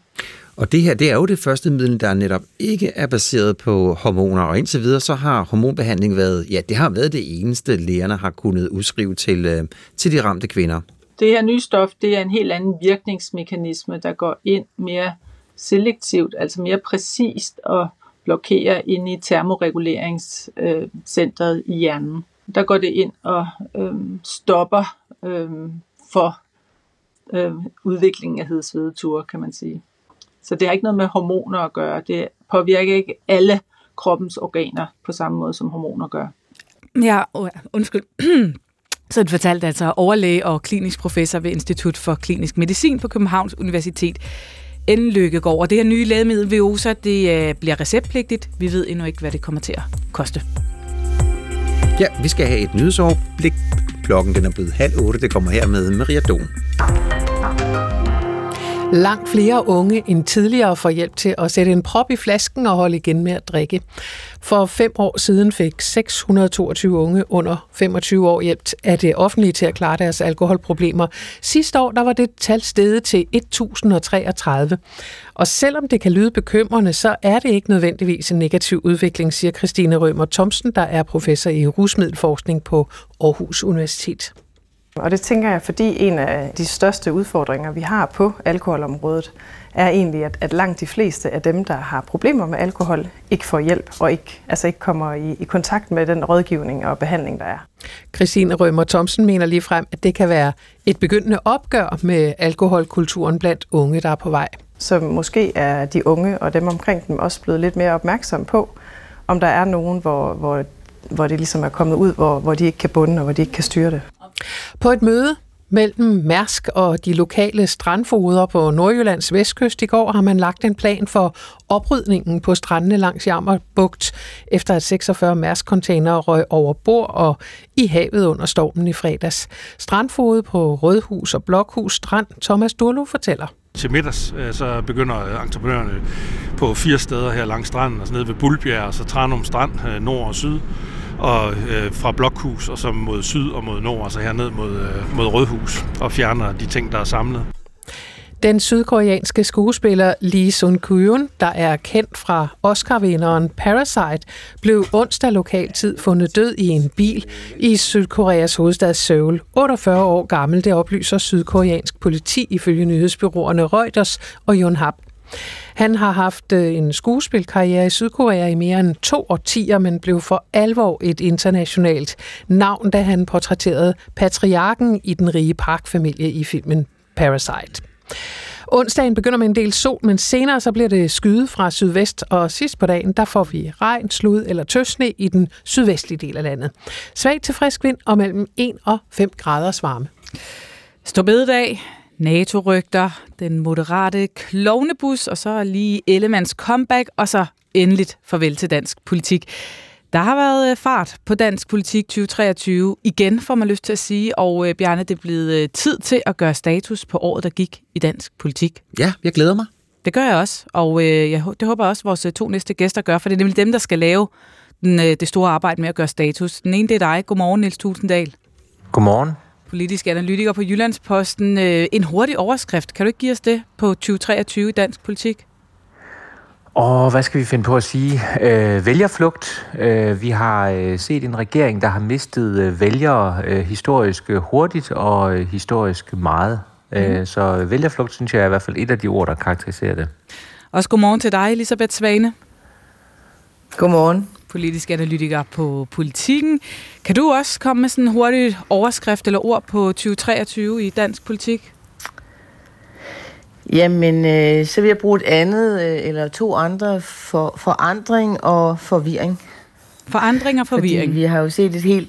Ja, forandring og forvirring. Mm-hmm. Jamen, du må gerne sætte to ord på. Vi har set et helt andet hvad? Nå, okay. Ja, men altså, fordi vi har jo fået et helt øh, ændret politisk landskab, fordi vi har fået den her, øh, ikke bare flertalsregering, men, men en regering med både Socialdemokratiet og Venstre. Øh, og, og, og det har jo forandret hele, hele den politiske spilleplade. Og det har jo også givet en del forvirring, både vil jeg sige, i forhold til regeringen selv at finde ud af, at den, hvem den var, og så jo også øh, oppositionen skulle finde sin, sine egne ben i, i et nyt politisk landskab. Lige præcis, og vi skal omkring begge, altså både regeringen og oppositionen. Og lad os starte ved regeringen, Nils Tulsendal. Når du kigger tilbage på det år, der er gået for regeringen 2023, hvad har så været det mest afgørende, der er sket for SVM-regeringen i det forgangne år? Jeg tror, det bliver svært at komme udenom, at det, som har været har overskygget øh, alt andet, regeringen har lavet, det har været afskaffelsen af Stor Bededag.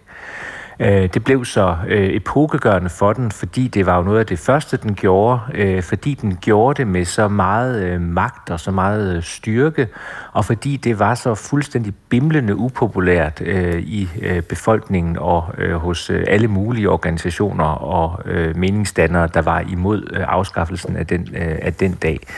Øh, jeg mener, at den står tilbage som en af de øh, store strategiske fejltagelser fra, øh, fra SVM-regeringens første år, den har simpelthen ikke fået det ud, noget ud af det, som svarer til de omkostninger, det, er, det, den har betydet for regeringen.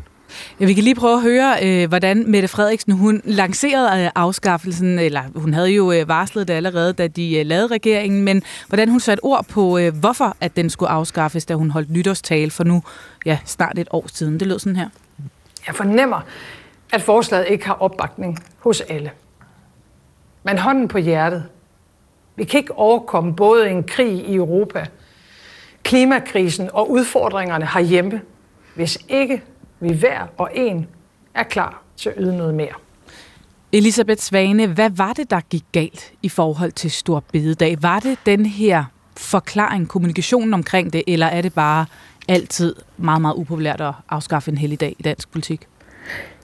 Jamen, jamen men der var jo så mange politiske, sådan helt basale fodfejl.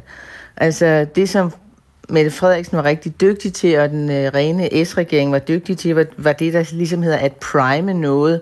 Ligesom gøre folk klar på, at det her vil vi, og det gør vi. Øh, så når det kom, så var det ikke en overraskelse. Stor bededag blev en overraskelse. Øh, og så i starten af januar, efter den her tale, så var regeringen jo ligesom væk, fordi øh, jeg tror, at meningen var, at de skulle have lavet en hel masse forskellige seminarer, og nu skal vi i gang men de var jo mest efter den her lange, lange, lange øh, valgkamp og regeringsdannelse.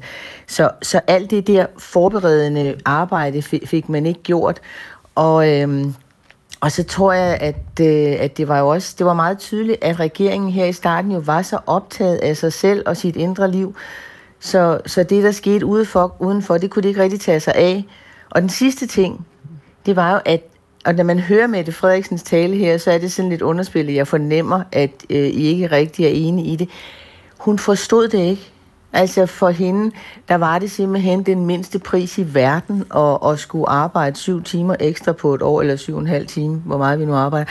Altså, hun forstod simpelthen ikke, at det kunne blive et problem, og, og derfor var der ingen, der så problemet, før det var blevet så kæmpestort, og så i øvrigt midt i en overenskomstperiode. Ja, og så i det hele taget må man jo sige, at det her med spørgsmålet om, hvor meget vi skal arbejde, det har jo også fyldt en hel del. Ja, det var jo sådan en, øh, en debat, som Socialdemokratiets udlænding- og integrationsminister Kort Dybvad Bæk også blandede sig i med bogen Arbejdets Land, hvor han jo blandt andet øh, kritiserede forfatteren Maj Midtgaard for ikke at bidrage nok til velfærdssamfundet. Og det førte til et øh, ophedet møde mellem de to i TV2's God Aften Live, og det lød sådan her, da rulleteksterne begyndte at køre. Tusind tak for besøget. Maj My Midtgaard på Majdan og Kåre Dybvad. Helt ærligt for. Tak. Hvor er det vildt, det du skriver om mig. Hvor er det en vild udskamning af et enkelt menneske af en borger som minister. Er du... Ja, hvad siger den her debat om arbejdsmoral om, hvor Socialdemokratiet har stået i forhold til, til vælgerne i øh, de forgangne år? Svane? Jamen, det, altså, jeg vil sige, i hvert fald de vælger, vi hørte fra, ikke? Øh, fordi jeg tror sådan set, altså set fra Socialdemokratiets side, så var det her jo en super god debat. Derfor gik Mette Frederiksen også ind i den på, år, på, på årsmødet, at øh, jamen, altså, man skal arbejde, og, og, og det er godt. Øh, og det er sådan en helt øh, almindelig, klassisk socialdemokratisk tankegang, og, og det de fleste gør. Men det blev koblet, altså Mette Frederiksen bruger ordet dogenskab, fordi hun citerer Stavning, øh, og at det er bedre arbejde end dogenskab, og og, og det kom ud og køre i sociale medier på et tidspunkt, hvor offentlige ansatte kvinder var virkelig trætte af den her regering øh, efter corona og hvad der havde været.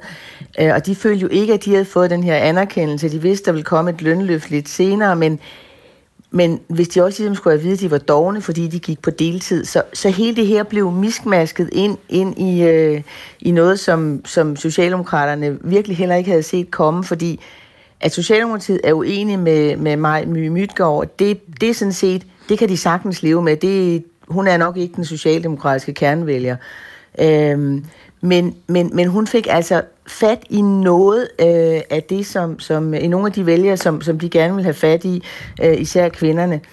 Øhm, og så tror jeg bare til sidst, man skal sige, der er også mange, vi ikke hørt fra, som, som måske synes, det er sådan set helt okay fint at stå op om morgenen og gå hen og passe sit arbejde øh, som ikke deltager i den her debat. Ja. Men, øh, men dem, der gjorde, øh, de var ikke specielt positive over for hverken øh, Kåre Dybfad eller Mette Frederiksen. Jeg kan huske, Niels Tulsendal, at du skrev en, øh, en, øh, en analyse i, i Jyllandsposten, hvor du sagde, at, eller fik øh, påstået, at, at, at lige præcis her, der var Mette Frederiksen, og i forhold til Socialdemokratiet og Socialdemokratiets værdier ude på, øh, ja, hun, ude på, på halvdybt vand, kan man sige det sådan? Ja, det kan man, fordi øh, jeg synes jo i virkeligheden, de her to ting, vi har talt om, de, de taler jo også op til sådan et, øh, til, til, til et større problem for Mette Frederiksen, nemlig det, at hun jo øh, på mange, mange parametre har skiftet politik, og har skiftet politik meget hurtigt. Altså da Mette Frederiksen blev statsminister første gang, der gjorde hun det på sådan en ret øh, rød dagsorden, øh, og hun øh, gik til valg på, at øh, alle de klassiske arbejdsudbudsreformer, de skulle være slut, og hun lavede Arne-pension, som gjorde, at vi skulle arbejde noget mindre. Men efter SVM-regeringen er dannet, så er alt det jo blevet lagt øh, på hylden, og nu handler alting om, at vi skal arbejde mere. Stor bededag handlede om, at vi skulle arbejde mere. Afskaffelsen af det 6. SU-år handler om, at vi skal arbejde mere. Og så er den her debat om øh, arbejdstid, som jeg også grundlæggende siger, at vi skal arbejde mere. Og det er altså svært for socialdemokratiske vælgere at forstå, fordi hele den socialdemokratiske fortælling op gennem det 20. århundrede handler om, at vi kan gøre vores liv bedre, hvis vi veksler vores velstand, eller noget af vores velstand i hvert fald, til mere fritid. Det er Socialdemokraterne, der har kæmpet for, at vi skulle have 8 timers arbejde hver dag. I gamle dage arbejdede man jo meget mere.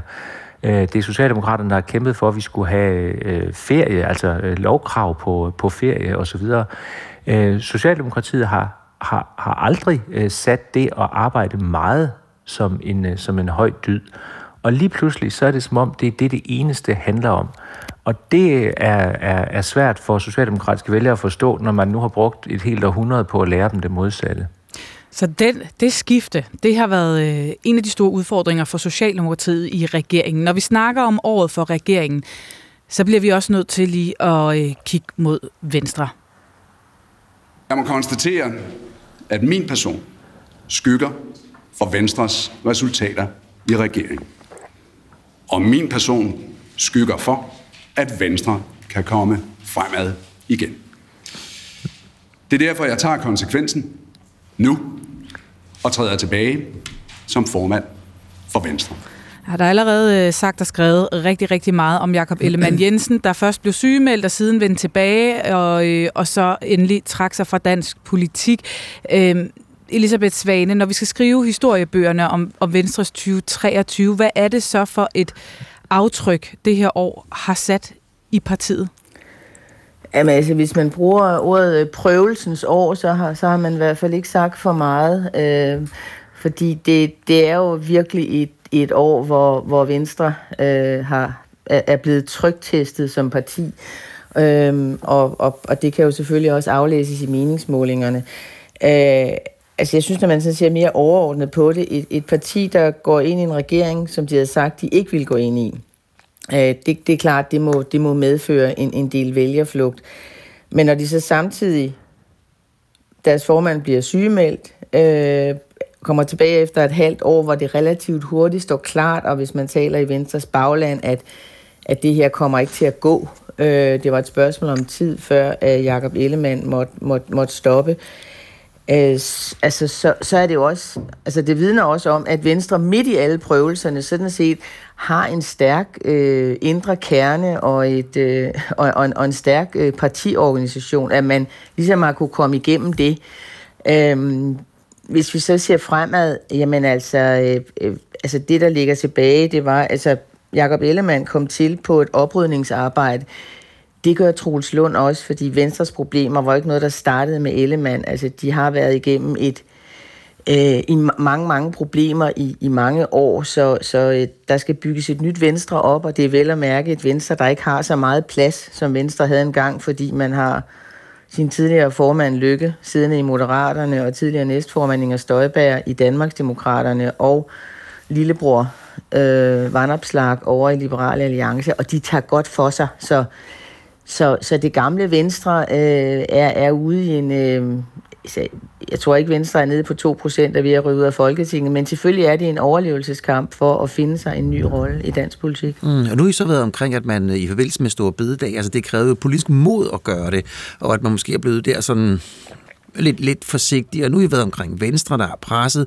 Hvis vi så lige fastholder fokus på Venstre og kigger bare lidt frem, så kommer der jo et øh, ekspertudvalg, der skal foreslå en CO2-afgift på landbruget. Og vi har jo kunnet læse formanden for det her udvalg, økonomiprofessor Michael Svare, sige, det kommer til at koste øh, enkelte landbrug livet, det kommer til at koste flere af dem, der er ansat i følgevæv, deres, øh, deres, deres job. Vi taler om, om tusindvis med den her CO2-afgift i stallen. Så Niels Tulsendal, altså hvad, kan vi, øh, hvad kommer det til at betyde for Venstre? Og CO2-afgiften? Jamen, det betyder selvfølgelig, at kampen er ikke slut endnu. Altså, jeg, jeg, jeg er meget enig i det, øh, Svane lige sagde med, at, øh, at, at, at Venstre er sådan set kommet okay igennem det formandskifte, som har været. Altså, det ville kunne, kunne have gået meget, meget værre ud over andre partier. Men Troels Lund skal ikke, øh, han kan ikke sådan uh, sidde herhjemme øh, hjemme i juleferien og tænke, at nu, uh, nu, nu er alt godt, der er fred og ingen fare. Fordi der kommer for det første den her CO2-afgift, som øh, helt sikkert vil komme til at påvirke Venstres bagland en gang til. Og derudover kommer der faktisk også en anden sag, som vi ikke har øh, talt helt så meget om som CO2-afgiften, nemlig øh, at der også skal implementeres de nye såkaldte vandplaner i løbet af 2024, som har betydning for, hvor meget landbruget må udlede af øh, kvælstof. Og det er jo vigtigt for, for havmiljøet osv., men det kan altså også have store negative konsekvenser for, øh, for landbruget en gang til. Og det der øh, dobbelte slag, øh, CO2-afgift og, og, og vandplaner, jamen det kan, øh, det kan sagtens skabe ny øh, uro i Venstres bagland. og min fornemmelse er, at man i Venstre altså er meget usikker på, hvordan alt det her det ender. Øh, I Venstre er man ikke tror jeg ikke, man tør sætte sådan øh, ret meget mere end en 50 kroner på, at Venstre bliver i regering resten af valgperioden. Tror du, øh, de er der om et år, Niels? Altså, hvis du spørger mig, så ja, det tror jeg, øh, fordi alternativet er så kaotisk og så svært for dem. Altså, øh, det, der holder, det, der primært holder den her regering sammen, det er jo, at de ikke rigtig ved, hvad de skulle gøre, hvis den ikke var der. Øh, fordi så kunne der blive udskrevet et valg, og så vil de alle sammen tabe stort, eller de ved ikke rigtig, hvem de skal gå i regering med, ud over hinanden. Så ja, jeg tror øh, stadigvæk, den er der om et år, men øh, der er jo altså stadigvæk tre år tilbage af valgperioden. Ja, maks 50 kroner på, at Venstre er der om et år i regeringssvane. Hvor mange penge vil du sætte på, at Venstre om et år stadig er i regering? Jamen, jeg, jeg er enig med Niels. Det tror jeg sådan set også, de er. Øh, nu, nu, er det ikke, nu er det ikke nogen hemmelighed, at Venstrefolk ser det som en dyd at spare, så jeg synes, at 50 det kunne jo for mange selv være mange penge.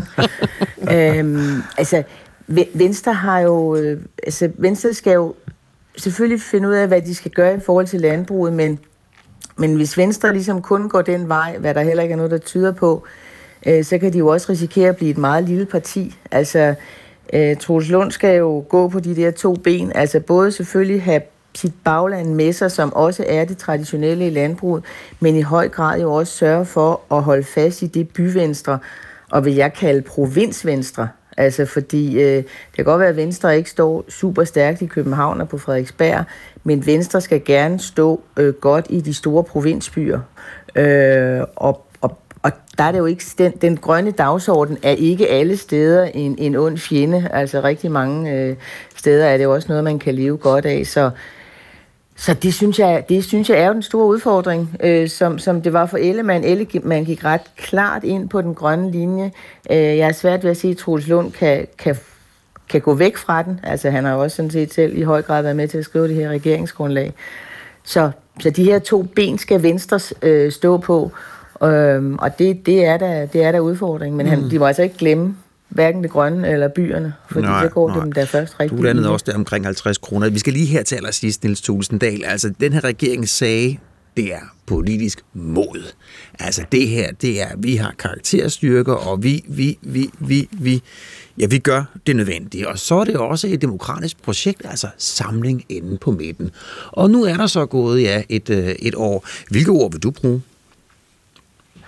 Øh, jamen, så tror jeg, jeg vil sige, at øh, jeg synes, modet har svigtet øh, regeringen øh, sådan, øh, efter hele balladen om Stor Bededag. Altså, fordi regeringen kom jo til verden med en fortælling om, at den kunne ting, som andre regeringer ikke kunne. Og det var også rigtigt forstået Stor Bededag. Det tror jeg ikke, der var andre regeringer, der havde fundet på at, at gøre det, eller i hvert fald ikke havde kunne gennemføre det.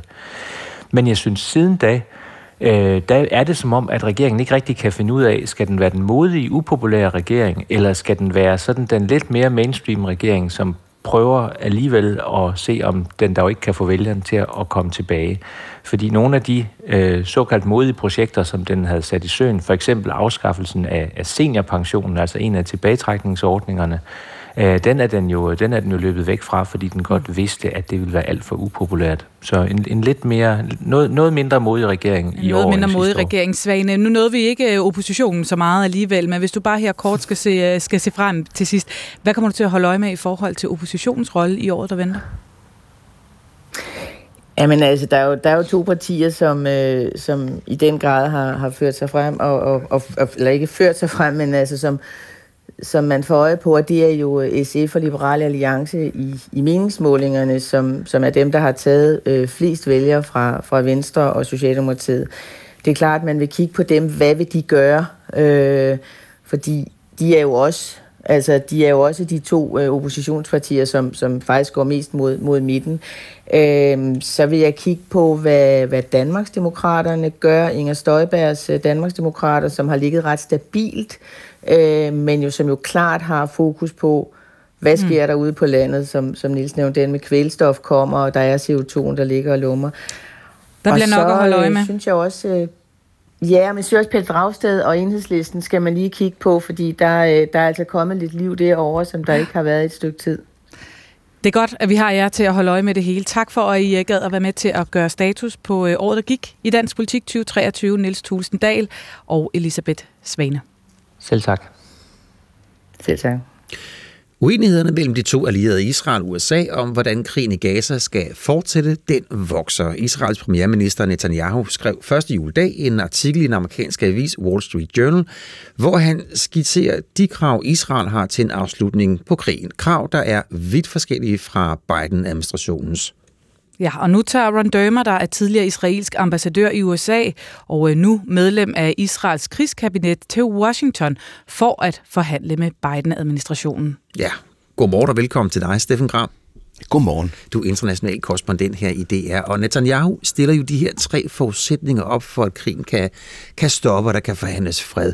Skal vi lige hurtigt runde de her tre forudsætninger?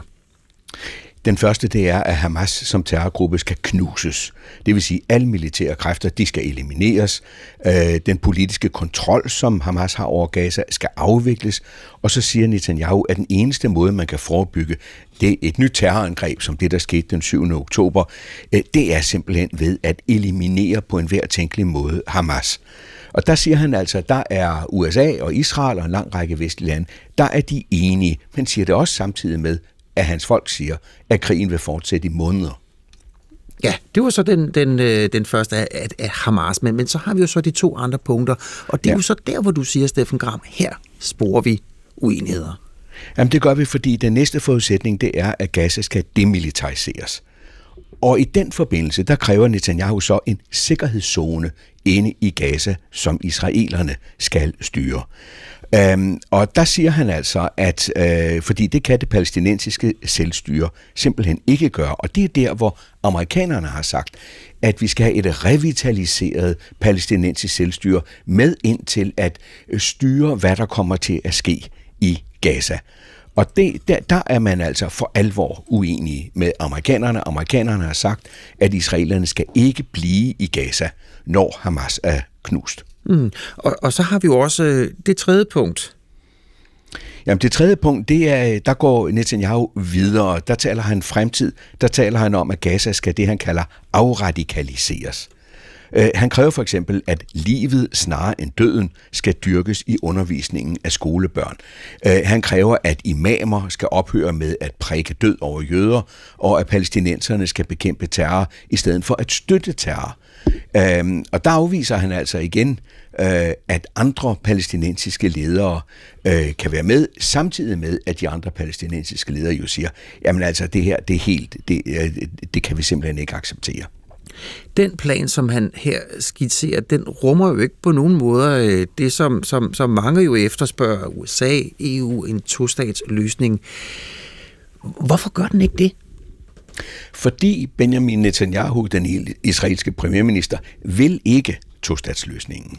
Han vil ikke acceptere, at øh, for eksempel Gaza og Vestbreden skal gå sammen og være en palæstinensisk stat. Og derfor vil han ganske enkelt ikke være med til overhovedet at diskutere tostatsløsning.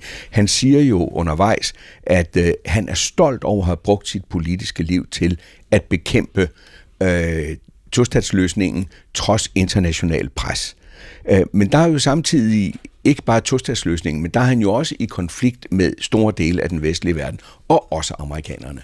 Fordi amerikanerne jo netop kræver en tostatsløsning som en del af den løsning, der skal komme efter øh, det, der startede med Hamas' angreb den 7. oktober. Mm, og så sender du jo i dag verden ifølge Gram, og det er jo et, øh, et langt interview med udenrigsminister Lars Løkke Rasmussen, og han går netop ind på ønsket om en, øh, en to-stats løsning. Så det er jo ikke bare fra hans side, men det er jo fra store dele af, af, af Vesten, at det her ønske, det er der. Men det betyder vel også, Steffen Gram, at der kommer et pres på Israel. Altså kan Netanyahu og, øh, og, og samlingsregeringen dernede, altså hvor længe kan de lukke ørerne for det her ønske?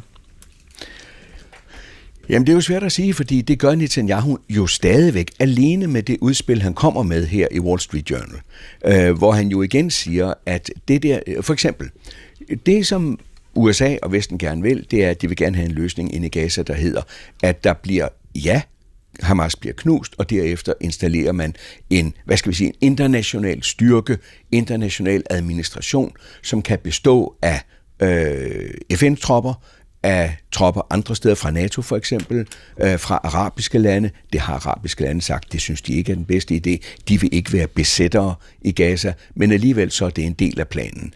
Øh, samtidig siger man så, at øh, man, man skal have fjernet Hamas, øh, men man er nødt til at have denne her internationale øh, organisation, der går ind og overtager det her. Og der vil man også have en masse af de arabiske lande ved, til at være med til at betale for genopbygningen af, øh, øh, af Gaza. Øh, og der er Netanyahu og Biden ganske enkelt ikke enige. Og det handler jo også i høj grad om, at Biden har et politisk bagland hjemme. Han, der er store konflikter i hans egen administration. Der er konflikter med, øh, med de unge fløje i hans eget parti. Og så er der altså den store internationale, det store internationale pres også på USA. Og det er der, hvor en lang række lande fra det såkaldt globale syd har været ude at sige, hør nu her, hvis I bliver ved med at støtte Israel på den måde, I gør, så skal I ikke regne med vores støtte i afstemninger i FN, når det for eksempel handler om Ukraine, og det vil sige fordømmelse af den russiske invasion der. Så der er altså et pres på Biden-administrationen mange steder fra, og derfor er de forhandlinger, der nu kommer til at forestå, øh, de er vigtige simpelthen mellem Israel og USA. Mm, og øh, vi kan lige nå her til, til allersidst, Steffen Gram. Altså, der har jo også været en, øh, et, et, et forsøg, en, en, en fredsplan, fra, øh, ja, som Ægypten har, øh, har fremlagt. Hvordan passer de her skriverier fra Netanyahu, øh, hans tre punkter med, øh, med planen fra, øh, fra Ægypten? Jamen, de passer overhovedet ikke, altså slet ikke. Men det Ægypterne har fremlagt, det er det, de kalder visioner, sammen med forhandlere fra Katar, men det er også noget, der er blevet afvist, ikke bare israelerne, men altså først og fremmest af Hamas, og islamisk jihad, det vil de ikke være med til. Men du nævnte selv interviewet med, øh, med øh, Lars Løkke Rasmussen, vores egen. Der er jo et vældigt forhandlingsforløb i gang i øjeblikket, mm. hvor man lægger pres på Israel, og hvor man prøver at komme med et forslag til, hvordan og hvorledes en tostatsløsning kan se ud. Tak for det her, Steffen Gram. Selv tak.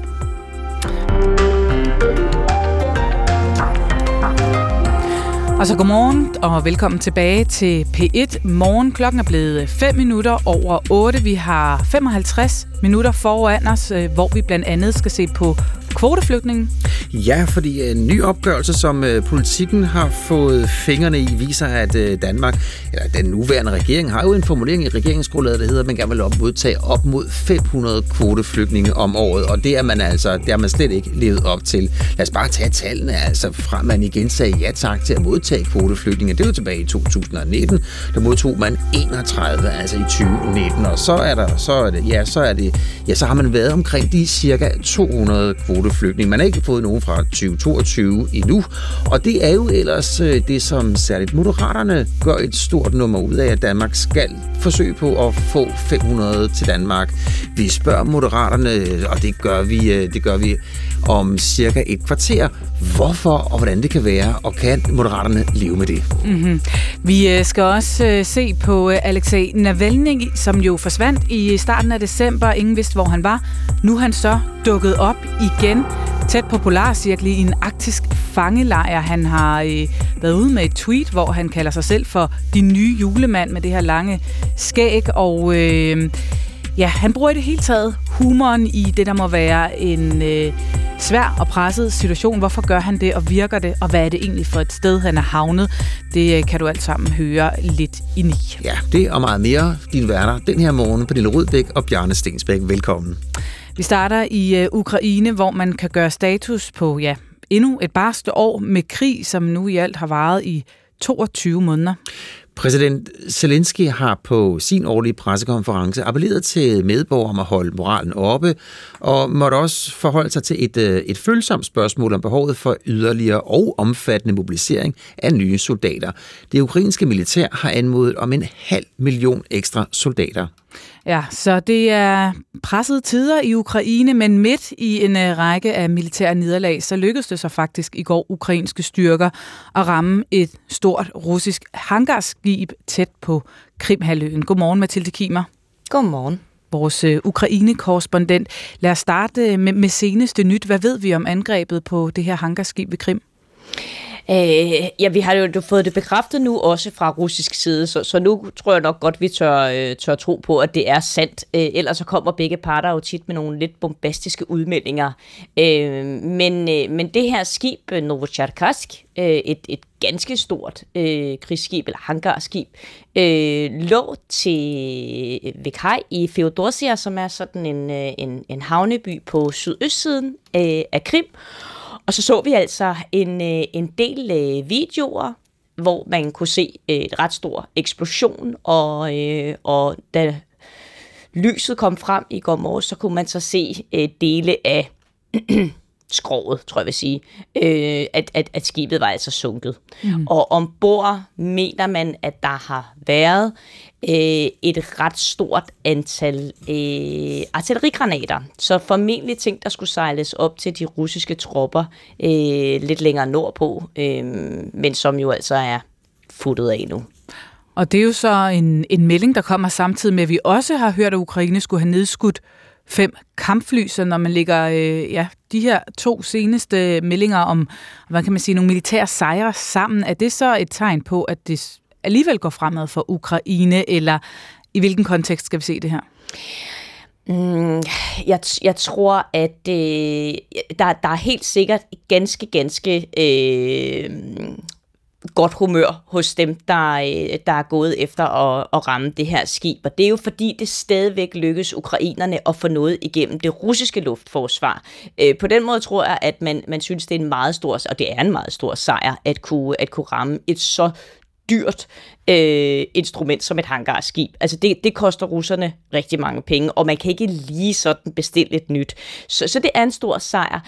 Mm, men det er jo ikke sådan, at det ændrer dynamikken på slagmarken. Øh, der tror jeg stadigvæk, altså også det, vi hører Zelensky appellere til, at folk ikke mister modet. Det er jo fordi, der generelt har været her efterår og, og vinter en mildest talt mutstemning. Ikke mindst fordi man jo fik at vide, at den her helt store øh, offensiv, som ukrainerne, eller modoffensiv, som, øh, som ukrainerne øh, satte i gang i sommeren, den ville have givet nogle større resultater. Så man kan sige, det er ikke sådan, at det enten går det bare knaldgodt, eller også går det på mig til, det går sådan lidt, hmm, fordi man ikke rigtig kan skubbe ved, ved, øh, ved frontlinjen, men derfor er der da helt sikkert arme over hovedet i forhold til både at ramme hangarskib og ramme fly. Mm, og noget, der måske ikke bidrager synderligt øh, til at lette den her mutte stemning, som du beskriver, det er jo så øh, udsigten til en mobilisering, der blev øh, forleden på det ukrainske parlaments hjemmeside offentliggjort et lovforslag til lige præcis det. Hvad går det ud på? Ja, det går ud på, at man skal bruge øh, ja, i rundtal en halv million ekstra soldater. Øhm, og, og dem skal man egentlig bruge sådan hurtigst muligt. Øh, det har jo været svært at trække nok folk ind frivilligt, og det er også sådan, at de øh, brigader, der opererer ved fronten nu, jamen de har ikke noget ekstra mandskab. Der er ikke nogen, man ligesom kan skifte ind, når folk bliver såret eller dræbt, så, så man arbejder med, med underbemanding, og man har brug for at lave nye brigader, der skal kunne, øh, der skal kunne skiftes ind. Og derfor øh, er man kommet med den her store øh, lovpakke forslag, hvor øh, man har en hel række forskellige instrumenter, der skal, der skal spilles på, for at det kan lade sig gøre. Den ene af tingene er, at man vil sætte alderen ned. Man skal nu øh, kun i citationstegn være fyldt 25, for at man kan blive indkaldt. Og den helt store joker, tror jeg, bliver, at man måske øh, hvis det bliver stemt igennem, skal kunne indkalde folk øh, elektronisk, altså over det, der vel i princippet kunne sammenlignes med mit idé. Øh, man behøver ikke at stå nede i, øh, i metroen eller ved checkpointet og fange mænd, der ikke har uniform på, fordi det er både ueffektivt og, og, og, og giver også en, lad os sige, lidt dårlig lidt dårlig stemning, når man ligesom skal ud og fange folk, der skal være nye soldater. Mm, så der kan øh, dumpe en indkaldelse svarende altså til det, der er e-boks herhjemme ind hos øh, ukrainske ja. mænd fremadrettet. Hvad med alle de ukrainske mænd, som er i udlandet? Ja, det er også en, øh, en af de helt store øh, jokere. Nu, det sidste tal, jeg så, var omkring 600.000 øh, ukrainske mænd, og, og det tror jeg kan blive en lidt mere vanskelig affære, fordi det vil være de enkelte lande, der jo skal ligesom afgøre, om man vil sende folk øh, hjem. Men det er tydeligt, at der sådan politisk er et fokus på, at, det, at de mænd vil man formentlig også gerne have hjem. Og i forhold til, hvis det bliver indført det her med at blive indkaldt elektronisk, øh, så er det sådan set ligegyldigt, om du sidder i, øh, i Kiev eller Lissabon eller på Vesterbro, så skal du komme hjem inden for den øh, tidshorisont, øh, der bliver angivet i det brev og melde dig til tjeneste. Men det skal først øh, stemmes igennem, øh, hører jeg også sige, Mathilde mm. Kimer. Øh, og, og ukrainerne kan jo godt se, at, øh, og det siger du jo også, at, at der er udfordringer på slagmarken, sådan så det er, som det er lige nu. Så er der opbakning til, at, at det er nødvendigt med den her mobilisering, eller hvordan forholder befolkningen sig til det? det er nok svært at sige noget generelt om, men, men jeg vil sige, når, når, jeg har, øh, når jeg har mødt mænd, der ikke er i uniform, sådan øh, over de seneste måneder, så har jeg jo spurgt, om det er et bevidst fravalg, altså at man ikke har meldt sig, øh, om det er et forsøg på at undgå tjeneste. Og der vil jeg sige, øh, en ret stor del af dem, jeg taler med, siger, jamen hvis jeg bliver indkaldt, så tager jeg i tjeneste, men, men jeg vil ikke melde mig, fordi lige nu, er jeg, øh, lige nu passer jeg på min familie og sørger for at, øh, at pleje mit job i det civile liv, så jeg er ikke sikker på, at man, altså at der vil være sådan kæmpe store demonstrationer. Det, det, det, det er min opfattelse, det er jo fuldstændig uvidenskabeligt, hvem jeg har talt med, mm. men at der stadigvæk er en opbakning til, at det her er et behov, der er for at sikre Ukraines overlevelse.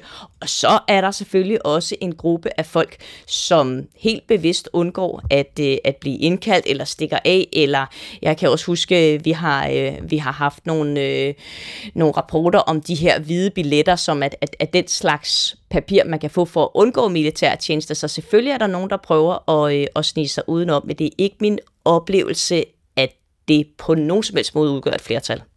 Tak for at være med her til morgen, Mathilde Kimer. Det var så lidt. Vores Ukraine-korrespondent. 14 minutter over 8 blev klokken. Der blev skruet op for den kritiske journalistik, og der blev sat spot på de, ja, mildt sagt, dårlige arbejdsforhold for migrantarbejderne ved VM i Katar. Det er et år siden nu, og så melder spørgsmålet sig jo så, om den her kritiske dækning og presset på Katar rent faktisk forandrer noget. Og spørger man uh, Palle Biskov, han er næstformand i uh, byggegruppen 3F, så er forholdene på nogle områder faktisk blevet forringet. I dag ser vi, at der er slået hegn op om de store lejre, og øh, det er sværere at få migranterne i, i tale. Måske er truslerne i virkeligheden også blevet værre. Ja. Og det var altså Palle Bisgaard, som vi talte med i, øh, i, øh, i første time. Så på den måde jo lidt en, hvad kan man sige, våd klud i ansigtet på den kritiske journalistik og det folkelige og det politiske pres. Godmorgen, Thomas Fibiger. Godmorgen. Lektor på arabisk og islamstudier ved Aarhus Universitet, hvor du øh, jo arbejder med de her arabiske golflande. Gjort det ja. en årrække. Øhm, allerførst, er du enig i, at øh, den beskrivelse, vi hører her fra Palle Bisgaard, det faktisk er blevet værre siden øh, Katar, øh, VM i Katar sidste år? Det tror jeg er, er, er på mange måder er rigtigt, og det er det, man hører også gennem rapporter fra, fra Katar øh, fra forskellige sider her. Mm, og lad os lige snuppe endnu øh, en af dem, som har kigget på forholdene, hvordan de er her et år efter. Det er ikke 3F, det er Amnesty International, hvor generalsekretær Vibe Klarskov siger sådan her. Der har været nogle øh, få fremskridt, men de fremskridt de overskygges af Katars manglende håndtering af snyd og misbrug, som, øh, som migrantarbejderne er udsat for fortsat. Ja, det, er, det lyder til meget lidt fremskridt, øh, når vi kigger tilbage på de her øh, Ja, det hele den, hvad kan man sige, den kritiske journalistik, som jo altså rasede, og al den kritik, der var af, af Katar, alle rapportagerne, der er sikkert flere, der kan huske øh, TV2's Rasmus Tandholt, øh, der stod der og sagde, øh, you want to break my camera, go ahead, og så videre, og så videre. Betyder det her, at et mediecirkus, et folkeligt, et politisk pres bare ikke rykker noget i et land som Katar?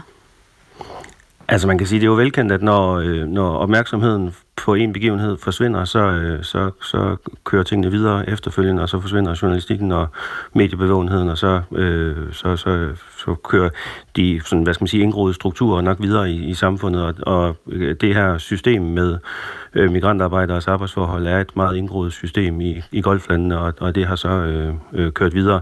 Det er, altså, det er også rigtigt, som, øh, som I også var inde på før, at der, for, der har været nogle reformer, øh, som i hvert fald øh, på overfladen har forbedret forholdene for øh, for migrantarbejdere, øh, sådan rent øh, juridisk, men det har, øh, er ikke til at se, at det er fuldt implementeret, eller det, det, det er noget træt med implementeringen af de øh, reformer, og, og det skyldes jo nok, at, at det er noget, som er meget indgroet i, øh, i samfundet.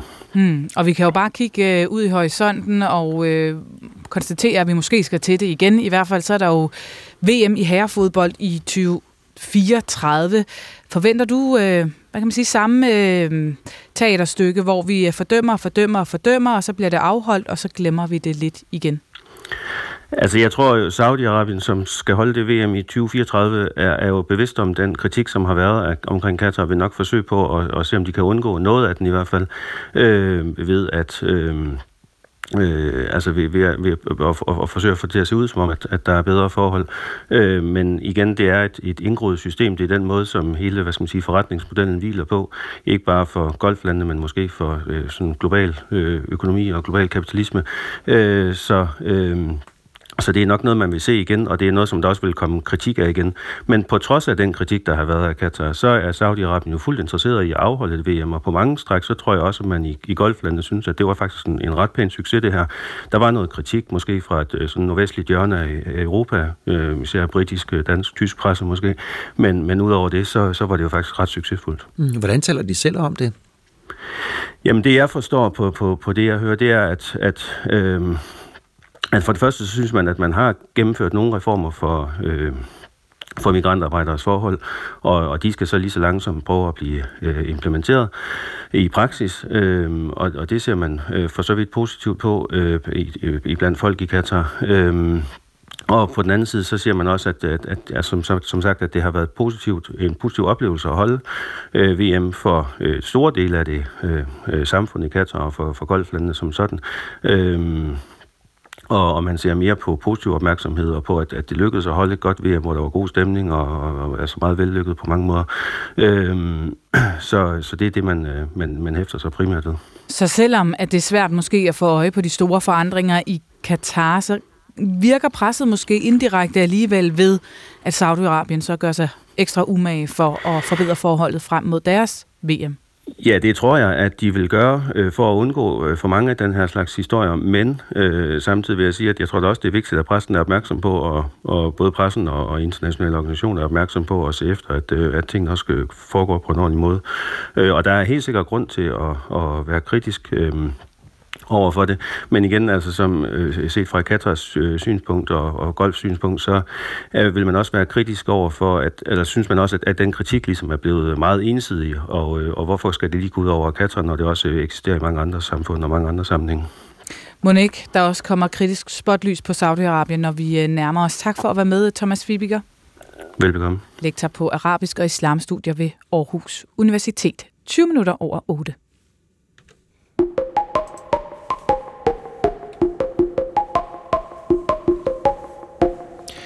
Læser man øh, regeringsgrundlaget, ja, så står der, at regeringen vil modtage op mod 500 kvoteflygtninge. Men sådan er det ikke gået. Altså helt tilbage fra 2019, hvor øh, den socialdemokratiske regering besluttede sig for at modtage kvoteflygtninge igen, ja, der er der været langt op til tallet 500. Lad os bare kigge på 2019. Altså dengang var det kun 31.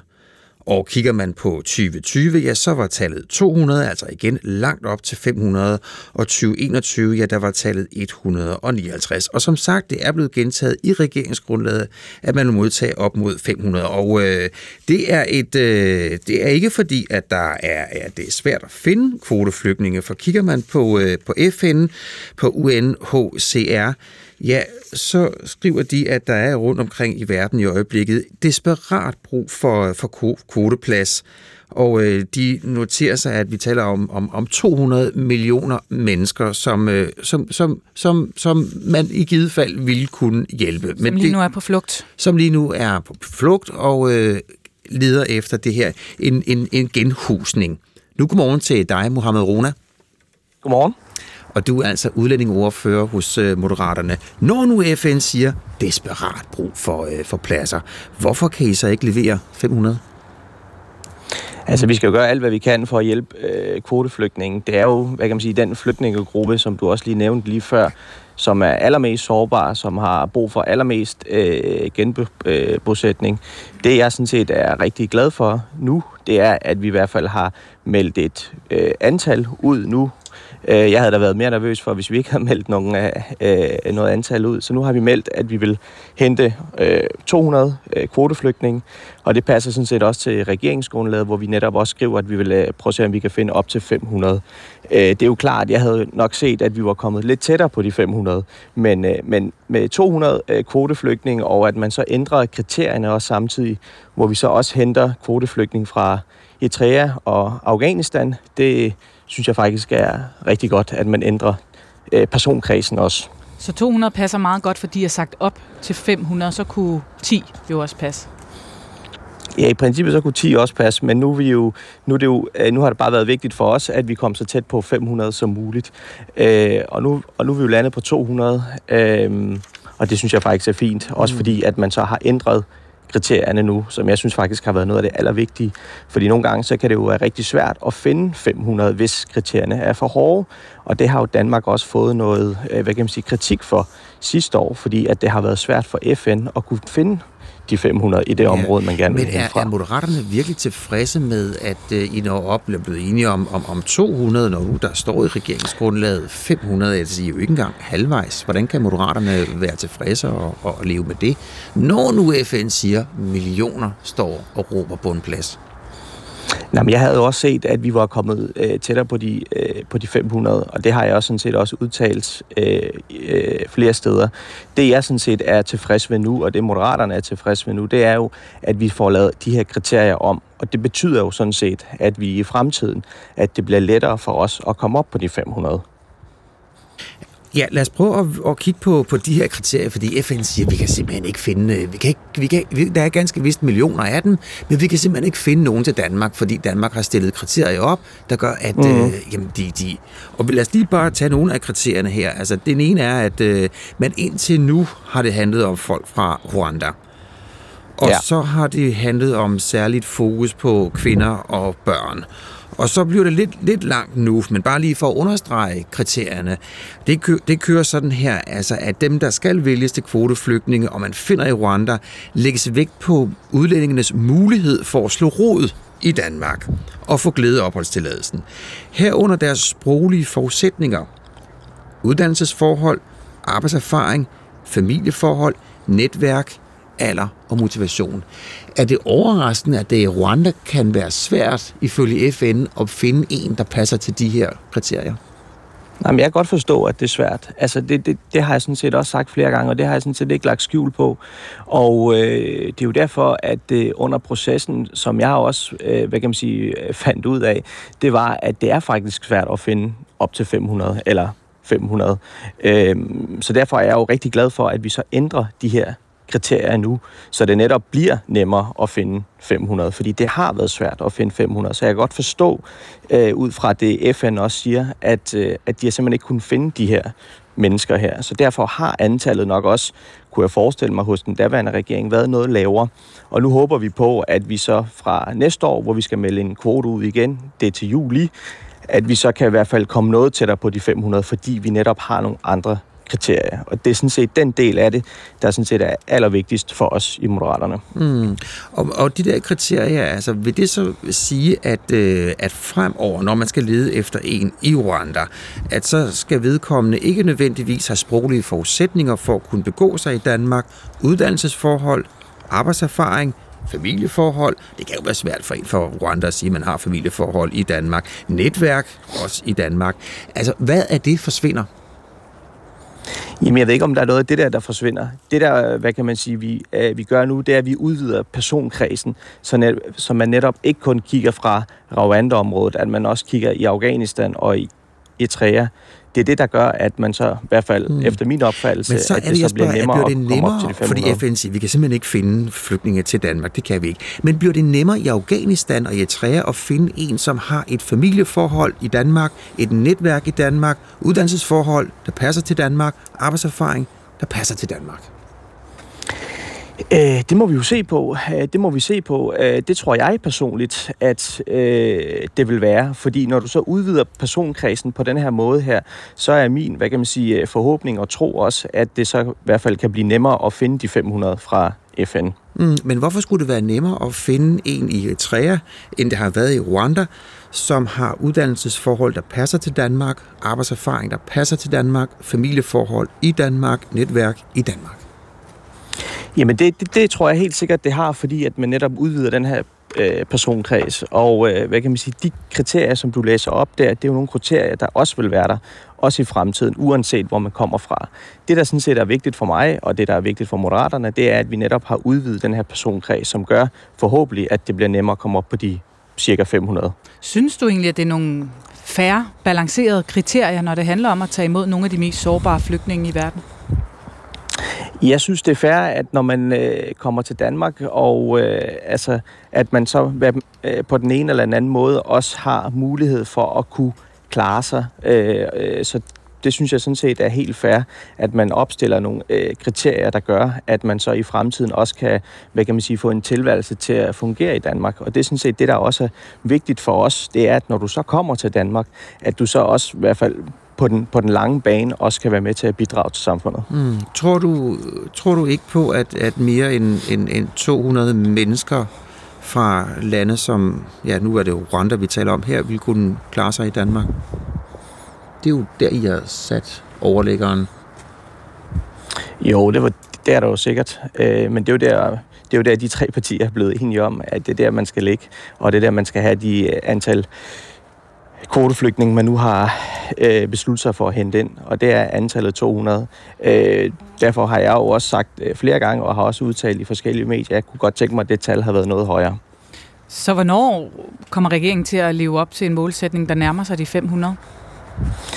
Jamen, det er et godt spørgsmål. Altså, jeg vil i hvert fald gøre mit. Øh, øh, jeg har i hvert fald et brændende ønske om, at når vi melder en kvote ud næste gang, altså til juli om et halvt års tid, at vi så ser et tal, der er noget højere end de 200. Mm. Når FN siger, at vi kan simpelthen ikke finde dem, hvad er det så, der får dig til at sige, det kan vi godt? Jamen det, der får mig til at sige, at det kan vi godt, det er fordi, at man har udvidet personkredsen, og det har jeg faktisk kæmpe tiltro til, at det så vil blive nemmere for FN at kunne finde øh, op mod 500, fordi man netop har gjort det, at man også tager øh, kvoteflygtninge fra Eritrea og Afghanistan. Tak for, at du var med her til morgen, Mohammed Rona. Selv tak. Og du er, Selv tak. altså, ja, du er altså udlændingeordfører hos Moderaterne.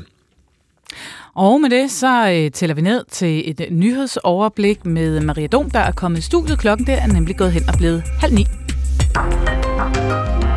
Fra i dag må du øh, fyre nytårskrudtet af, men det kan meget vel blive sidste gang, du må gøre det her flere dage før nytår.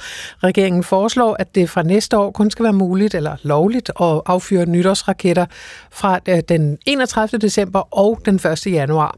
Men det er en skam, synes Søren Petersen fra Vestjylland, for han sætter stor pris på en god raket eller to i dagene mellem jul og nytår. Jeg synes, det er noget skrammel. De har indskrænket det så meget efterhånden. Så de få dage, der vi har med over, det burde de skulle bare lade os, have, lade os have. Det er hyggeligt, at man så lige være sammen med kammerater lige skyde lidt af der med aften og sådan. Så det er træls, hvis det ryger de sidste få dage, der vi har. Men i Øjenforeningen er man begejstret for den kommende ændring, for det vil formentlig betyde færre skader, siger Marike Vitrup, der er direktør i foreningen. Igennem de senere år har vi set en del skader i dagene op til nytår, og vi tænker, at når man reducerer antallet, hvor man lovligt kan fyre af, så vil de helt unge, som går ud og fyrer af, også blive forhindret i det øh, af deres forældre, og så går vi ud fra, at antallet af øjenskader også vil falde. Flere unge får hjælp til at få styr på deres afhængighed af alkohol. På bare fem år er antallet af unge mellem 15 og 24 år, der kommer i alkoholbehandling, steget 66 procent. I 2017 var 622 i den aldersgruppe i behandling.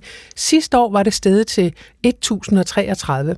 Og en af dem, der som 24-årig kom i behandling, er Mads Madsen fra Skovlunde Vest for København. Det var et led i min vej til at indse, at der var noget, der var helt galt. Ikke? Og det var et, et, et rigtig stort led i, øhm, i min proces om at, om at endelig stoppe med at, at drikke alkohol i en forholdsvis ung alder. Den danske landsholdsangriber Rasmus Højlund udråbte sig øh, selv i aftes til den gladeste mand i hele verden. Det skete efter, at han scorede sit første ligamål for fodboldklubben Manchester United, hvor han har spillet siden sommer. Målet fuldendte klubbens comeback-sejr på 3-2 mod Aston Villa. Vi får først tørt vejr med en del sol, men i løbet af dagen så bliver det skyde fra sydvest, og sidst på dagen vil den sydvestlige del af landet få regn og slud eller tøsne. Vinden vil være svag til frisk, og termometret står på mellem 1 og 5 graders varme. Det har været øh, et noget usædvanligt syn, hvis man har været ude og gå tur på strandene i juledagene langs Jammerbugten i Nordjylland. For siden stormen Pia i fredag sendte 46 mærskcontainer over bord fra et mærskskib, ja, så er strandene ud fra Nordjyllands vestkyst blevet fyldt med al verdens gods. Der ligger kanyler, der ligger køleskab, der ligger sko. Vi hørte lidt tidligere på morgenen også, der lå ja, kurvemøbler, puder, alt muligt ligger der, som er blevet kastet op på strandene. Men selvom det her syn jo selvfølgelig var meget usædvanligt, ja, så sker det faktisk indimellem, fortæller Lars Jensen. Han er shipping-ekspert hos øh, Vespucci Maritim, og øh, de har mere end 20 års erfaring fra container shipping-branchen. Jamen sådan i, i, i brede træk er det cirka 700 container om året. Det var, hvad vi så på de sidste statistikker for 2022. På så 700 container om året på verdensplan. Mm. Det skal man måske så se i lyset af, at på verdensplan, der flytter man så noget, der ligner 250 millioner container om året. Så, så man kan jo enten sige, at 700 container er 700 container for mange, mm. omvendt 700 ud af 250 millioner det, det er en meget, meget lille procentdel af den fragt, der bliver sendt, der desværre ryger over bord. Og hvad skyldes det? Er det, er det når vi ser storme som det her øh, voldsomt vejr ude på åben hav, eller hvad er det, der får containerne til at ryge i vandet? Ja, det, det sker typisk af to årsager. Enten hvis der virkelig er dårligt vejr, og man kan være uheldig, at øh, på trods af, at man gør, hvad man kan for at få suret de her containere fast, så er det enorme kræfter, vi taler om, og så ryger der nogle containere over bord. Det, der også sker nogle gange, det er, det er jo selvfølgelig meget logisk, hvis et skib øh, desværre synker. Det sker heller ikke så tit, men det sker, og det fører selvfølgelig så også til, at containerne ender i vandet. Mm-hmm. Og så er det jo pludselig øh, meget mere end de syv, eller øh, end de her 46, som vi, øh, som vi oplevede øh, her. Øh, man kan sige, hvis det er noget, man ligesom regner med, at det sker en gang imellem, selvom at procentsatsen jo er ganske lille, øh, så kan man jo øh, undre sig over, at, øh, at der nu bliver sat alt muligt arbejde i gang. Der er den maritime hav, øh, havarikommission, som, som ligger under Erhvervsministeriet, som skal til at undersøge ulykken inden øh, inden for, som, eller sluddervrøvl, som normalt undersøger ulykker inden for skibsfart, skibsfart, som skal i gang med at undersøge den her sag. Hvordan kan det være, at man skal undersøge den, når vi ved jo godt, at det var stormen, der fik øh, containerne til at ryge i vandet, og det sker altså en gang imellem? Det, det skal man jo som regel, når der sker ulykker til søs. Det kan godt være, at man har en formodning om i det her tilfælde, at det er vejret. Det er det sandsynligvis også. Men uden man går ind og undersøger det, så ved man det jo faktuelt ikke. Det, det er jo altid udmærket netop med ulykker til søs at få lavet en ordentlig undersøgelse. Det kan jo være, og det ved vi jo ikke, men det kan jo være, at det skyldes noget andet. Og så må man jo tage bestik af, er der noget, vi kan lære? Er der noget, vi kan gøre bedre? For, for et par års tid siden, der var en meget slem øh, vintersæson i Stillehavet 2020-2021, hvor der over den ene sæson alene røg en 3-4.000 container i, i havet i Stillehavet, hvilket var et ekstremt event i forhold til, hvad man plejer at se. Og det førte til en storstilet undersøgelse af, har man simpelthen gjort noget galt, når man har designet de store skibe? Skal man, skal, skal man stue skibene anderledes? Nogle af de undersøgelser pågår stadigvæk, og der har, det har ført til nogle ændringer i nogle af de måder, man stuer på. Så hver gang man har en ulykke til søs, så er det en god idé at lave en ordentlig undersøgelse til bunds, for netop at se, er der noget, vi ikke har set? Er der noget, vi kan blive klogere af for at reducere det her? Og som jeg sagde, 2020 der var ekstremt mange containere. 2022, hvor man åbenbart havde taget mere bestik af situationen, det var det år, de sidste 15 år, hvor der relativt set er faldet færrest container over bord. Mm-hmm.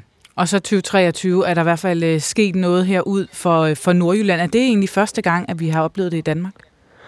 Øh, jeg kan ikke lige på stående fod huske, at vi har set mange containere ryge over bord lige i danske farvande. Vi har før set uh, tilsvarende billeder ned omkring den engelske kanal, hvor containere med, med vraggods er skyllet i land. Vi så også et uh, for nogle års tid siden, det var blandt andet et mærskib, der tabte container ombord uh, ud fra Frankrigskysten ned nede i Biscayen. Man kan ikke lige komme i tanke om noget tilsvarende sket i danske farvande i den her størrelsesorden. Og er din forventning, når vi engang får den her undersøgelse, at, øh, at det kan føre til ændringer, forbedringer, som gør, at øh, vi bliver endnu sikrer os endnu bedre mod, at det her kan ske i fremtiden? Eller tænker du, at vi så godt som kender årsagen her? Jeg, jeg vil umiddelbart antage, at man kender årsagen, men om det er fordi, man simpelthen har været uheldig, og der er kommet en alt for stor øh, sø ind fra den forkerte side, og derfor er containerne røget over bord, eller om der har været begået fejl i den havn, hvor man har læsset containerne ombord, det, det er jo umiddelbart lidt svært at vide. Men måden jeg også ser på det på, det er, når vi snakker lidt under 700 container ud af 250 millioner. Man kan aldrig, når man er ude til søs, og de kræfter, der er på havet, garantere helt, at, at der aldrig sker ulykker. Så vi ligger på et meget, meget lavt antal, der falder over bord. Det kan godt være, at vi bliver klogere, men udgangspunktet, som jeg ser det, er, det her er sandsynligvis desværre bare et af den slags uheld, der nogle gange sker, når der er storme til søs. Ja, det fortalte Lars Jensen, der er shipping-ekspert hos Vespucci Maritime.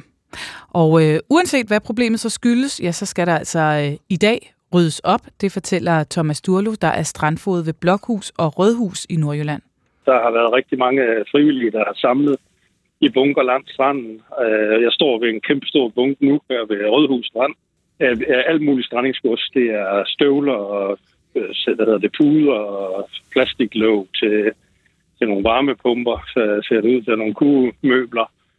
Så, øh, så det er sådan en stor blanding af det hele, som er, som er samlet. Men det er en stor hjælp til, at vi har hvad hedder det, entreret med et, hvad hedder det, entreprenørfirma, øh, Vejstrup, som begynder her til, til middag med at, at rydde langs øh, de her strande, der er særligt berørt af, af storm, eller ind, ja, det der strandet her 23. og 24. Øh, Mærsk har lovet at, at dække øh, udgifterne til den her oprydning, men hvad går aftalen mere konkret ud på? Jamen, øh, Mærsk har, har gentaget, at de, øh, de er her til, øh, til det er færdigt.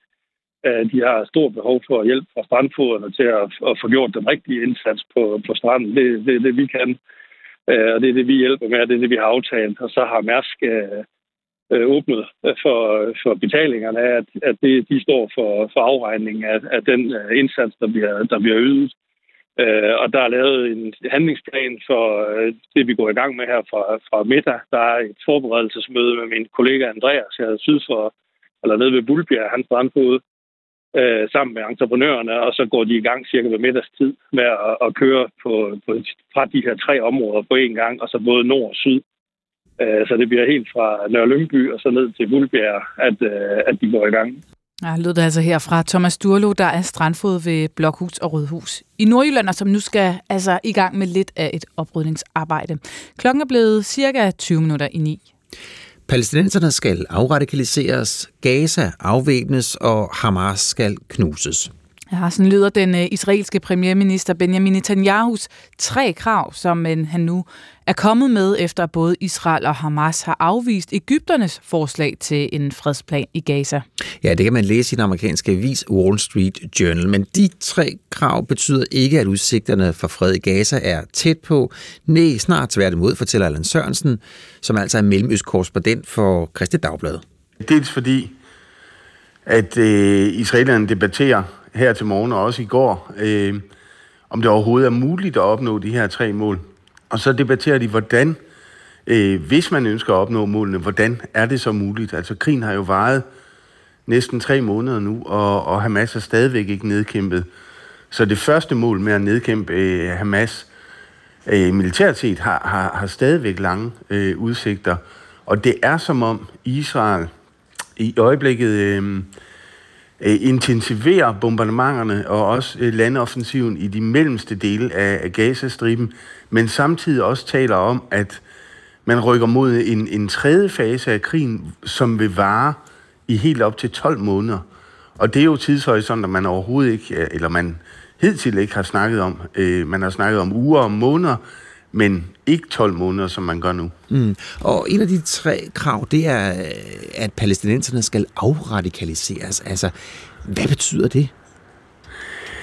Jamen, det, det, det ved vi faktisk ikke, fordi Netanyahu giver ikke nogen detaljer, og det er også det, der er så...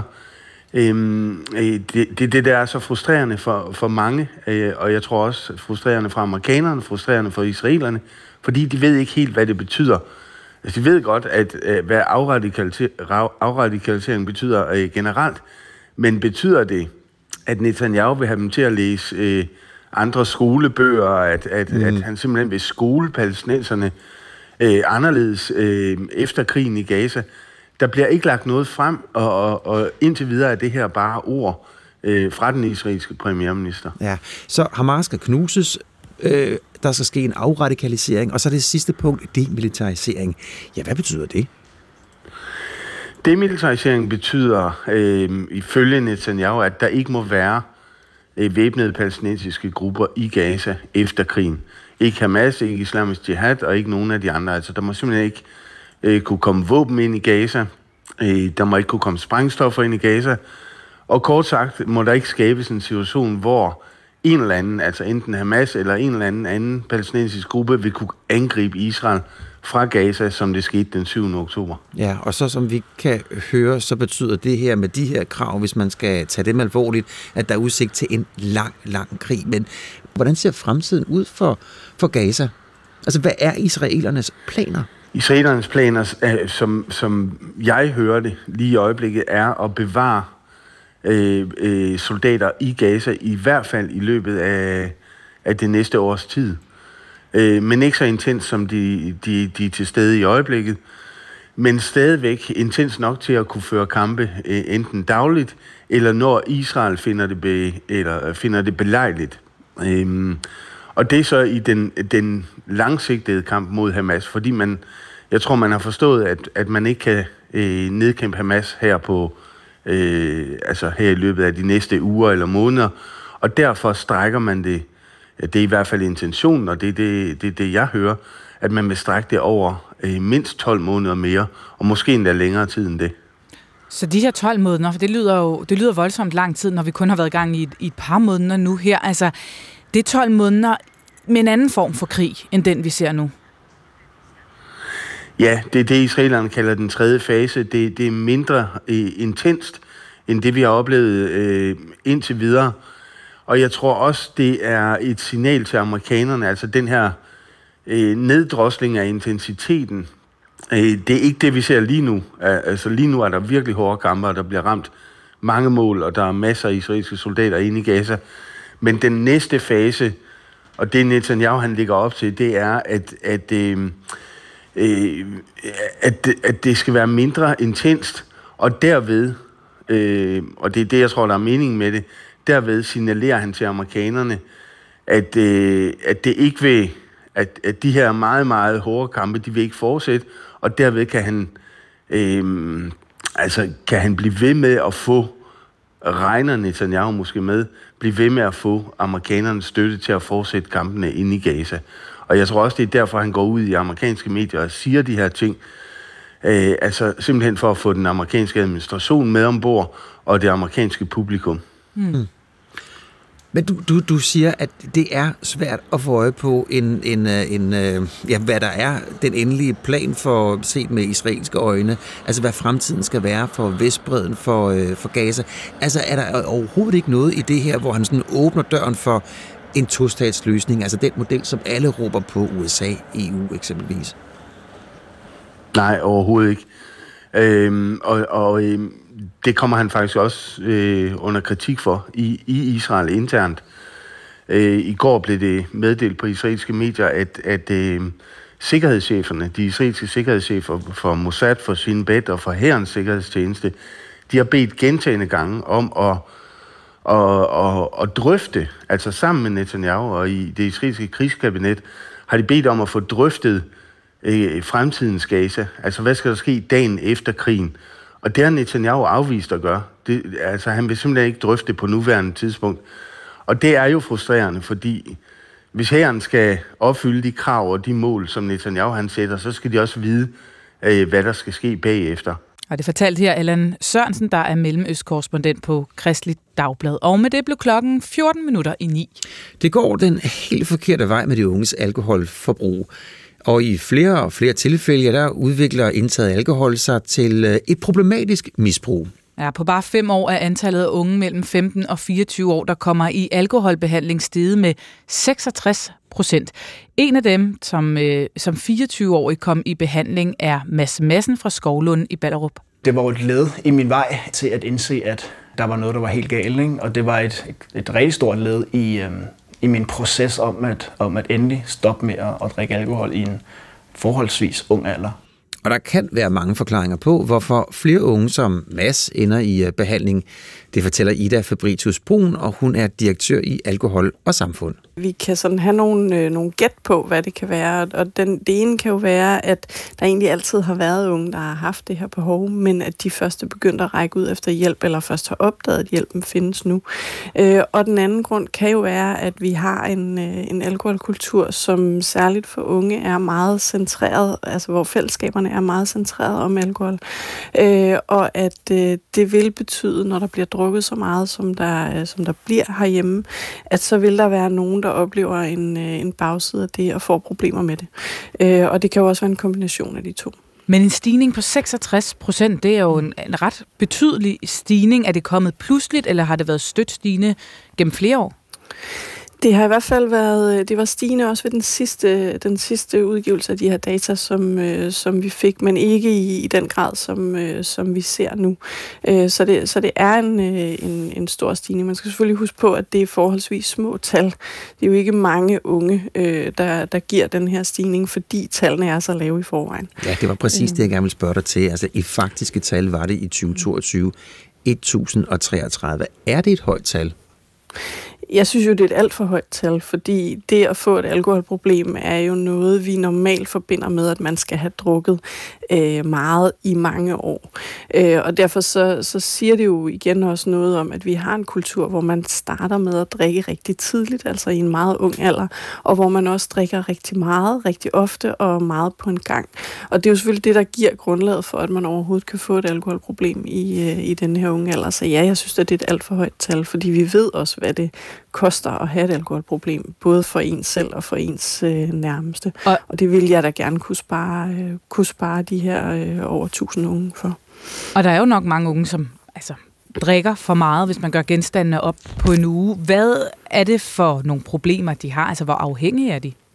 Altså det vi hører på, øh, på Alkolinjen Ung, som vi, øh, som vi åbnede for, øh, for et par år siden, øh, det er, at de her unge, de er jo en del af den festkultur, som, øh, som stort set alle unge er herhjemme. Det vil sige, at de går i byen og de fester, men, men de unge, der ringer ind til os med, med problemer, hvor nogle af dem har behov for behandling, de siger, at de har ikke rigtig den der stopklods. Altså, de kan ikke mærke, hvornår de har fået nok. Øh, og de kan heller ikke ligesom mærke, at hvis det gik galt sidste weekend, så skal de ikke gøre det samme igen øh, den næste weekend. Og det betyder, at de får nogle rigtig ubehagelige oplevelser med, øh, med alkohol, fordi de simpelthen bliver, øh, bliver alt, for, alt for fulde. Øh, og så er der dem, som, øh, som har svært ved at stoppe, når weekenden er slut, øh, som, øh, som måske også bruger alkohol til at dulme noget. Øh, som, øh, som ellers øh, hvad hedder det, piner dem i livet, mm. øh, og, og, og som så får et, et meget højt øh, hverdagsforbrug også. Men altså, tæller vi her om 15, 16, 17-årige, der er nødt til også at få en, en øl mandag morgen? Øh, vi har også, også opkald fra, øh, fra helt unge, men, det, men, men, øh, men så vidt som jeg kan se i tallene, så, så dem, der har behov for, for behandling, de er lige lidt ældre. Mm. Øh, og det er jo det her med, at, at der går som regel nogle år, før man opdager, at der, øh, at der er et problem. Ja, altså, øh, vi har jo talt om alkohol, alkoholkultur i så mange år. Hvad er forklaringen på, at vi så alligevel ser her en, øh, en stigning, og som du nævner, altså det er jo øh, i faktiske tal 1033? Jeg tror lige præcis, forklaringen er, at vi har talt om det, men vi har faktisk ikke øh, handlet. Og, øh, og noget af det, som, som vi jo savner, noget af det, vi ved virker, hvis vi vil ændre den her alkoholkultur, det er, at vi får skabt en bedre øh, lovgivning omkring øh, adgangen til alkohol, særligt for unge. Øh, det kunne for eksempel være, at man satte vores aldersgrænse op, så man ikke kunne købe alkohol fra man var 16 år, men at man skulle være 18 år. Det kunne også være, at man kiggede på at gøre alkohol mindre tilgængeligt, at man ikke kan købe alkohol i alle butikker på alle tidspunkter af døgnet. Man kunne også skrue på priserne. Det er utrolig billigt at, øh, at købe alkohol i Danmark. Øh, og, og sidst men ikke mindst, så kunne man jo øh, gøre det mere restriktivt, hvordan man må markedsføre alkohol, fordi det er noget af det, vi ved også har en stor effekt på især unges forbrug. Og det er jo sådan de parametre, som for eksempel WHO anbefaler, at man skruer på, hvis man gerne vil ændre på, øh, på alkoholforbruget i en befolkning, og dem har vi jo undladt fuldstændig at skrue på. Og det fortalte Ida Fabricius Brun, og hun er direktør i Alkohol og Samfund. Det mest realistiske politiske alternativ til Putin, han hedder jo Alexei Navalny. Han var forsvundet for en stund her i december, og nu er han så dukket op igen, den her gang i en arktisk fangelejr. Ja, det bekræfter han selv i en tråd på, øh, på X, hvor han kalder sig selv for, citat, den nye julemand, fordi han har groet sig et ordentligt skæg og bor nordpå. Når vi taler nordpå, så er det nordpå. Det må man sige. Der er mørkt hele tiden, øh, mere eller mindre. Og det, man må øh, konstatere ud for det, han har skrevet, ja, det er jo, at øh, selvom det sikkert er alt andet end sjovt at opholde sig i den her fangelejr, så virker det til, at humoren den er intakt. Det fortæller Charlotte Flint Pedersen, der er direktør i det udenrigspolitiske selskab. Dels fordi det er mørkt hele tiden på det her tidspunkt af året.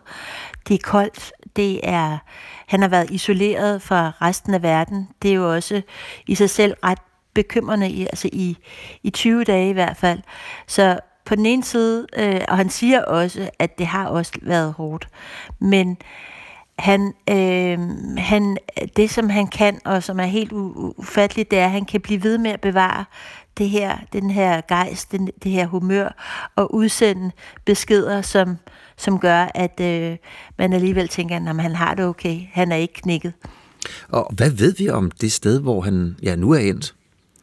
Jamen, det er et sted, det er et af øh, også øh, en fangelejr, som også øh, Stalin byggede og fik brugt. Øh, hele det her område øh, fra op ved Polarcirklen var spækket med fangelejre, og, øh, og det er et sted, som øh, altså ikke, ikke er kendt for de bedste forhold. Det er fuldstændig isoleret for omverdenen. Det er umuligt at flygte derfra. Øhm, så vi ved, at, øh, at det, er et, det er et sted, som, som vidderligt er det, man kalder sådan den strengeste straffekoloni, de overhovedet har. Eller mm. straffelejr. Og, og hvad ligger der i det, den strengeste? Øh, der ligger det, at øh, det er kun særligt, særligt øh, farlige fanger, der kommer derop. Øh, det, der ligger det i det, at øh, netop den her øh, enorme isolation øh, på alle mulige måder, det vil sige, der er også begrænsninger på, om man må, hvad man må modtage, hvad man må sende ud, hvordan man må kommunikere med omverdenen. Øh, og, og, og det er heller ikke det sted, man lige kommer hen. Altså, det er ikke et sted, som andre lige kan komme til. Så hvordan, altså, hvordan er hverdagen for Navalny i sådan en øh, straffelej, fangelejr som den her? Øhm, det er lidt svært at sige, fordi altså, øh, vi kender jo, øh, måske nogle af os kender historien om Ivan, den, altså en dag i Ivan Denisovits liv, hvor, øh, og, og det var sådan en type straffelejr, han, var, han er i. Men det er jo ikke på samme måde, som, som Sol Solzhenitsyn beskriver det. Det er, det, det er formentlig sådan, at han vil blive øh, bedt om at arbejde, han vil, men han vil, der vil være mad, og der vil være en, en, en vis grad af varme, men det er jo ikke lækre forhold, som, altså, som vores fængsler er Trods i sammenligning. Nej, Nej. Det, det er en lidt anden virkelighed end et, et dansk fængsel. Og så alligevel, så øh, er han altså lykkes med at udkomme med en, en besked på, på X. Hvor meget kan vi stole på, at det er Navalny selv, der har siddet og skrevet den her besked? Øhm, det, altså det, det, vi kan måske ikke stole på, at han har skrevet den her besked, men mindre det er noget, han har haft lejlighed til at skrive øh, under øh, hans tur.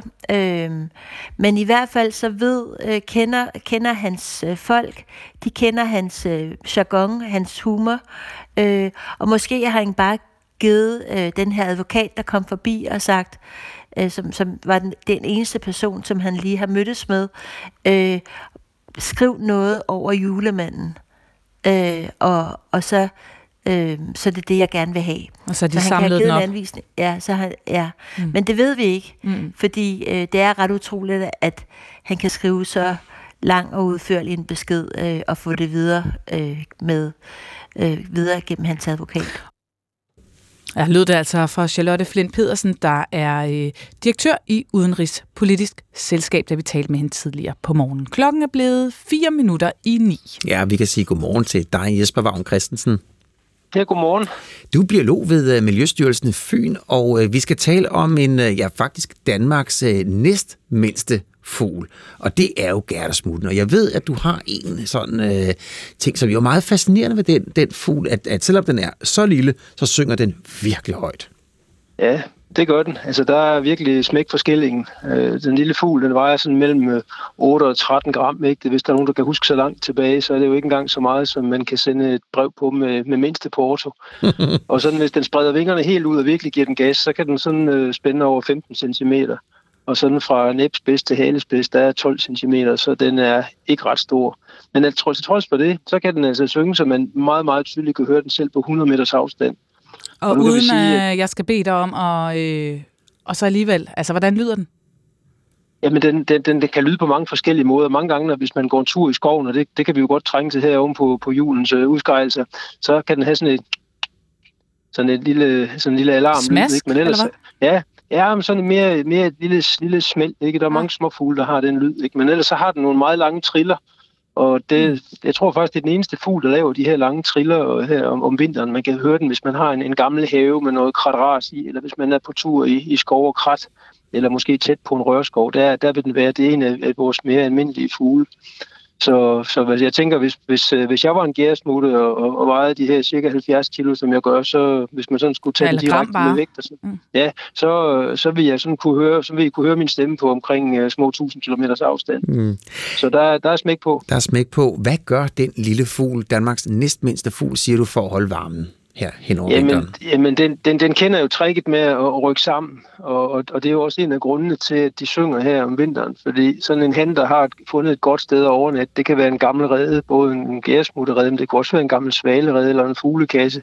Hvis man har fundet sådan et godt sted, hvor man kan komme i dækning og i læ om, om natten, så sidder den og synger, og så lukker den de andre, de andre gæresmutter til, og så, så kan man godt rykke sammen i, i, på lidt plads, og på den måde øh, holde varmen.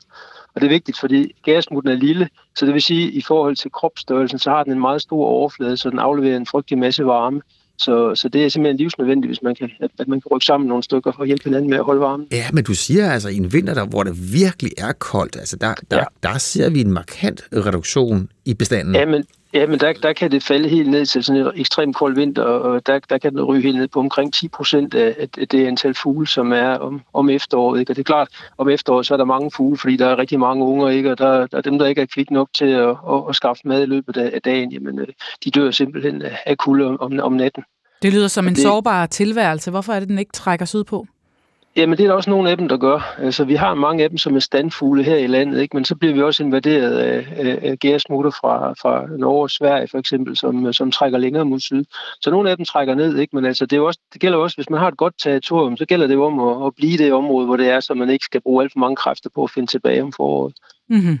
Øhm, og der er jo ikke, altså jeg, jeg tror faktisk, jeg hørte en enkelt, øh, et enkelt fuglekvider, øh, da jeg kørte på arbejde i nat.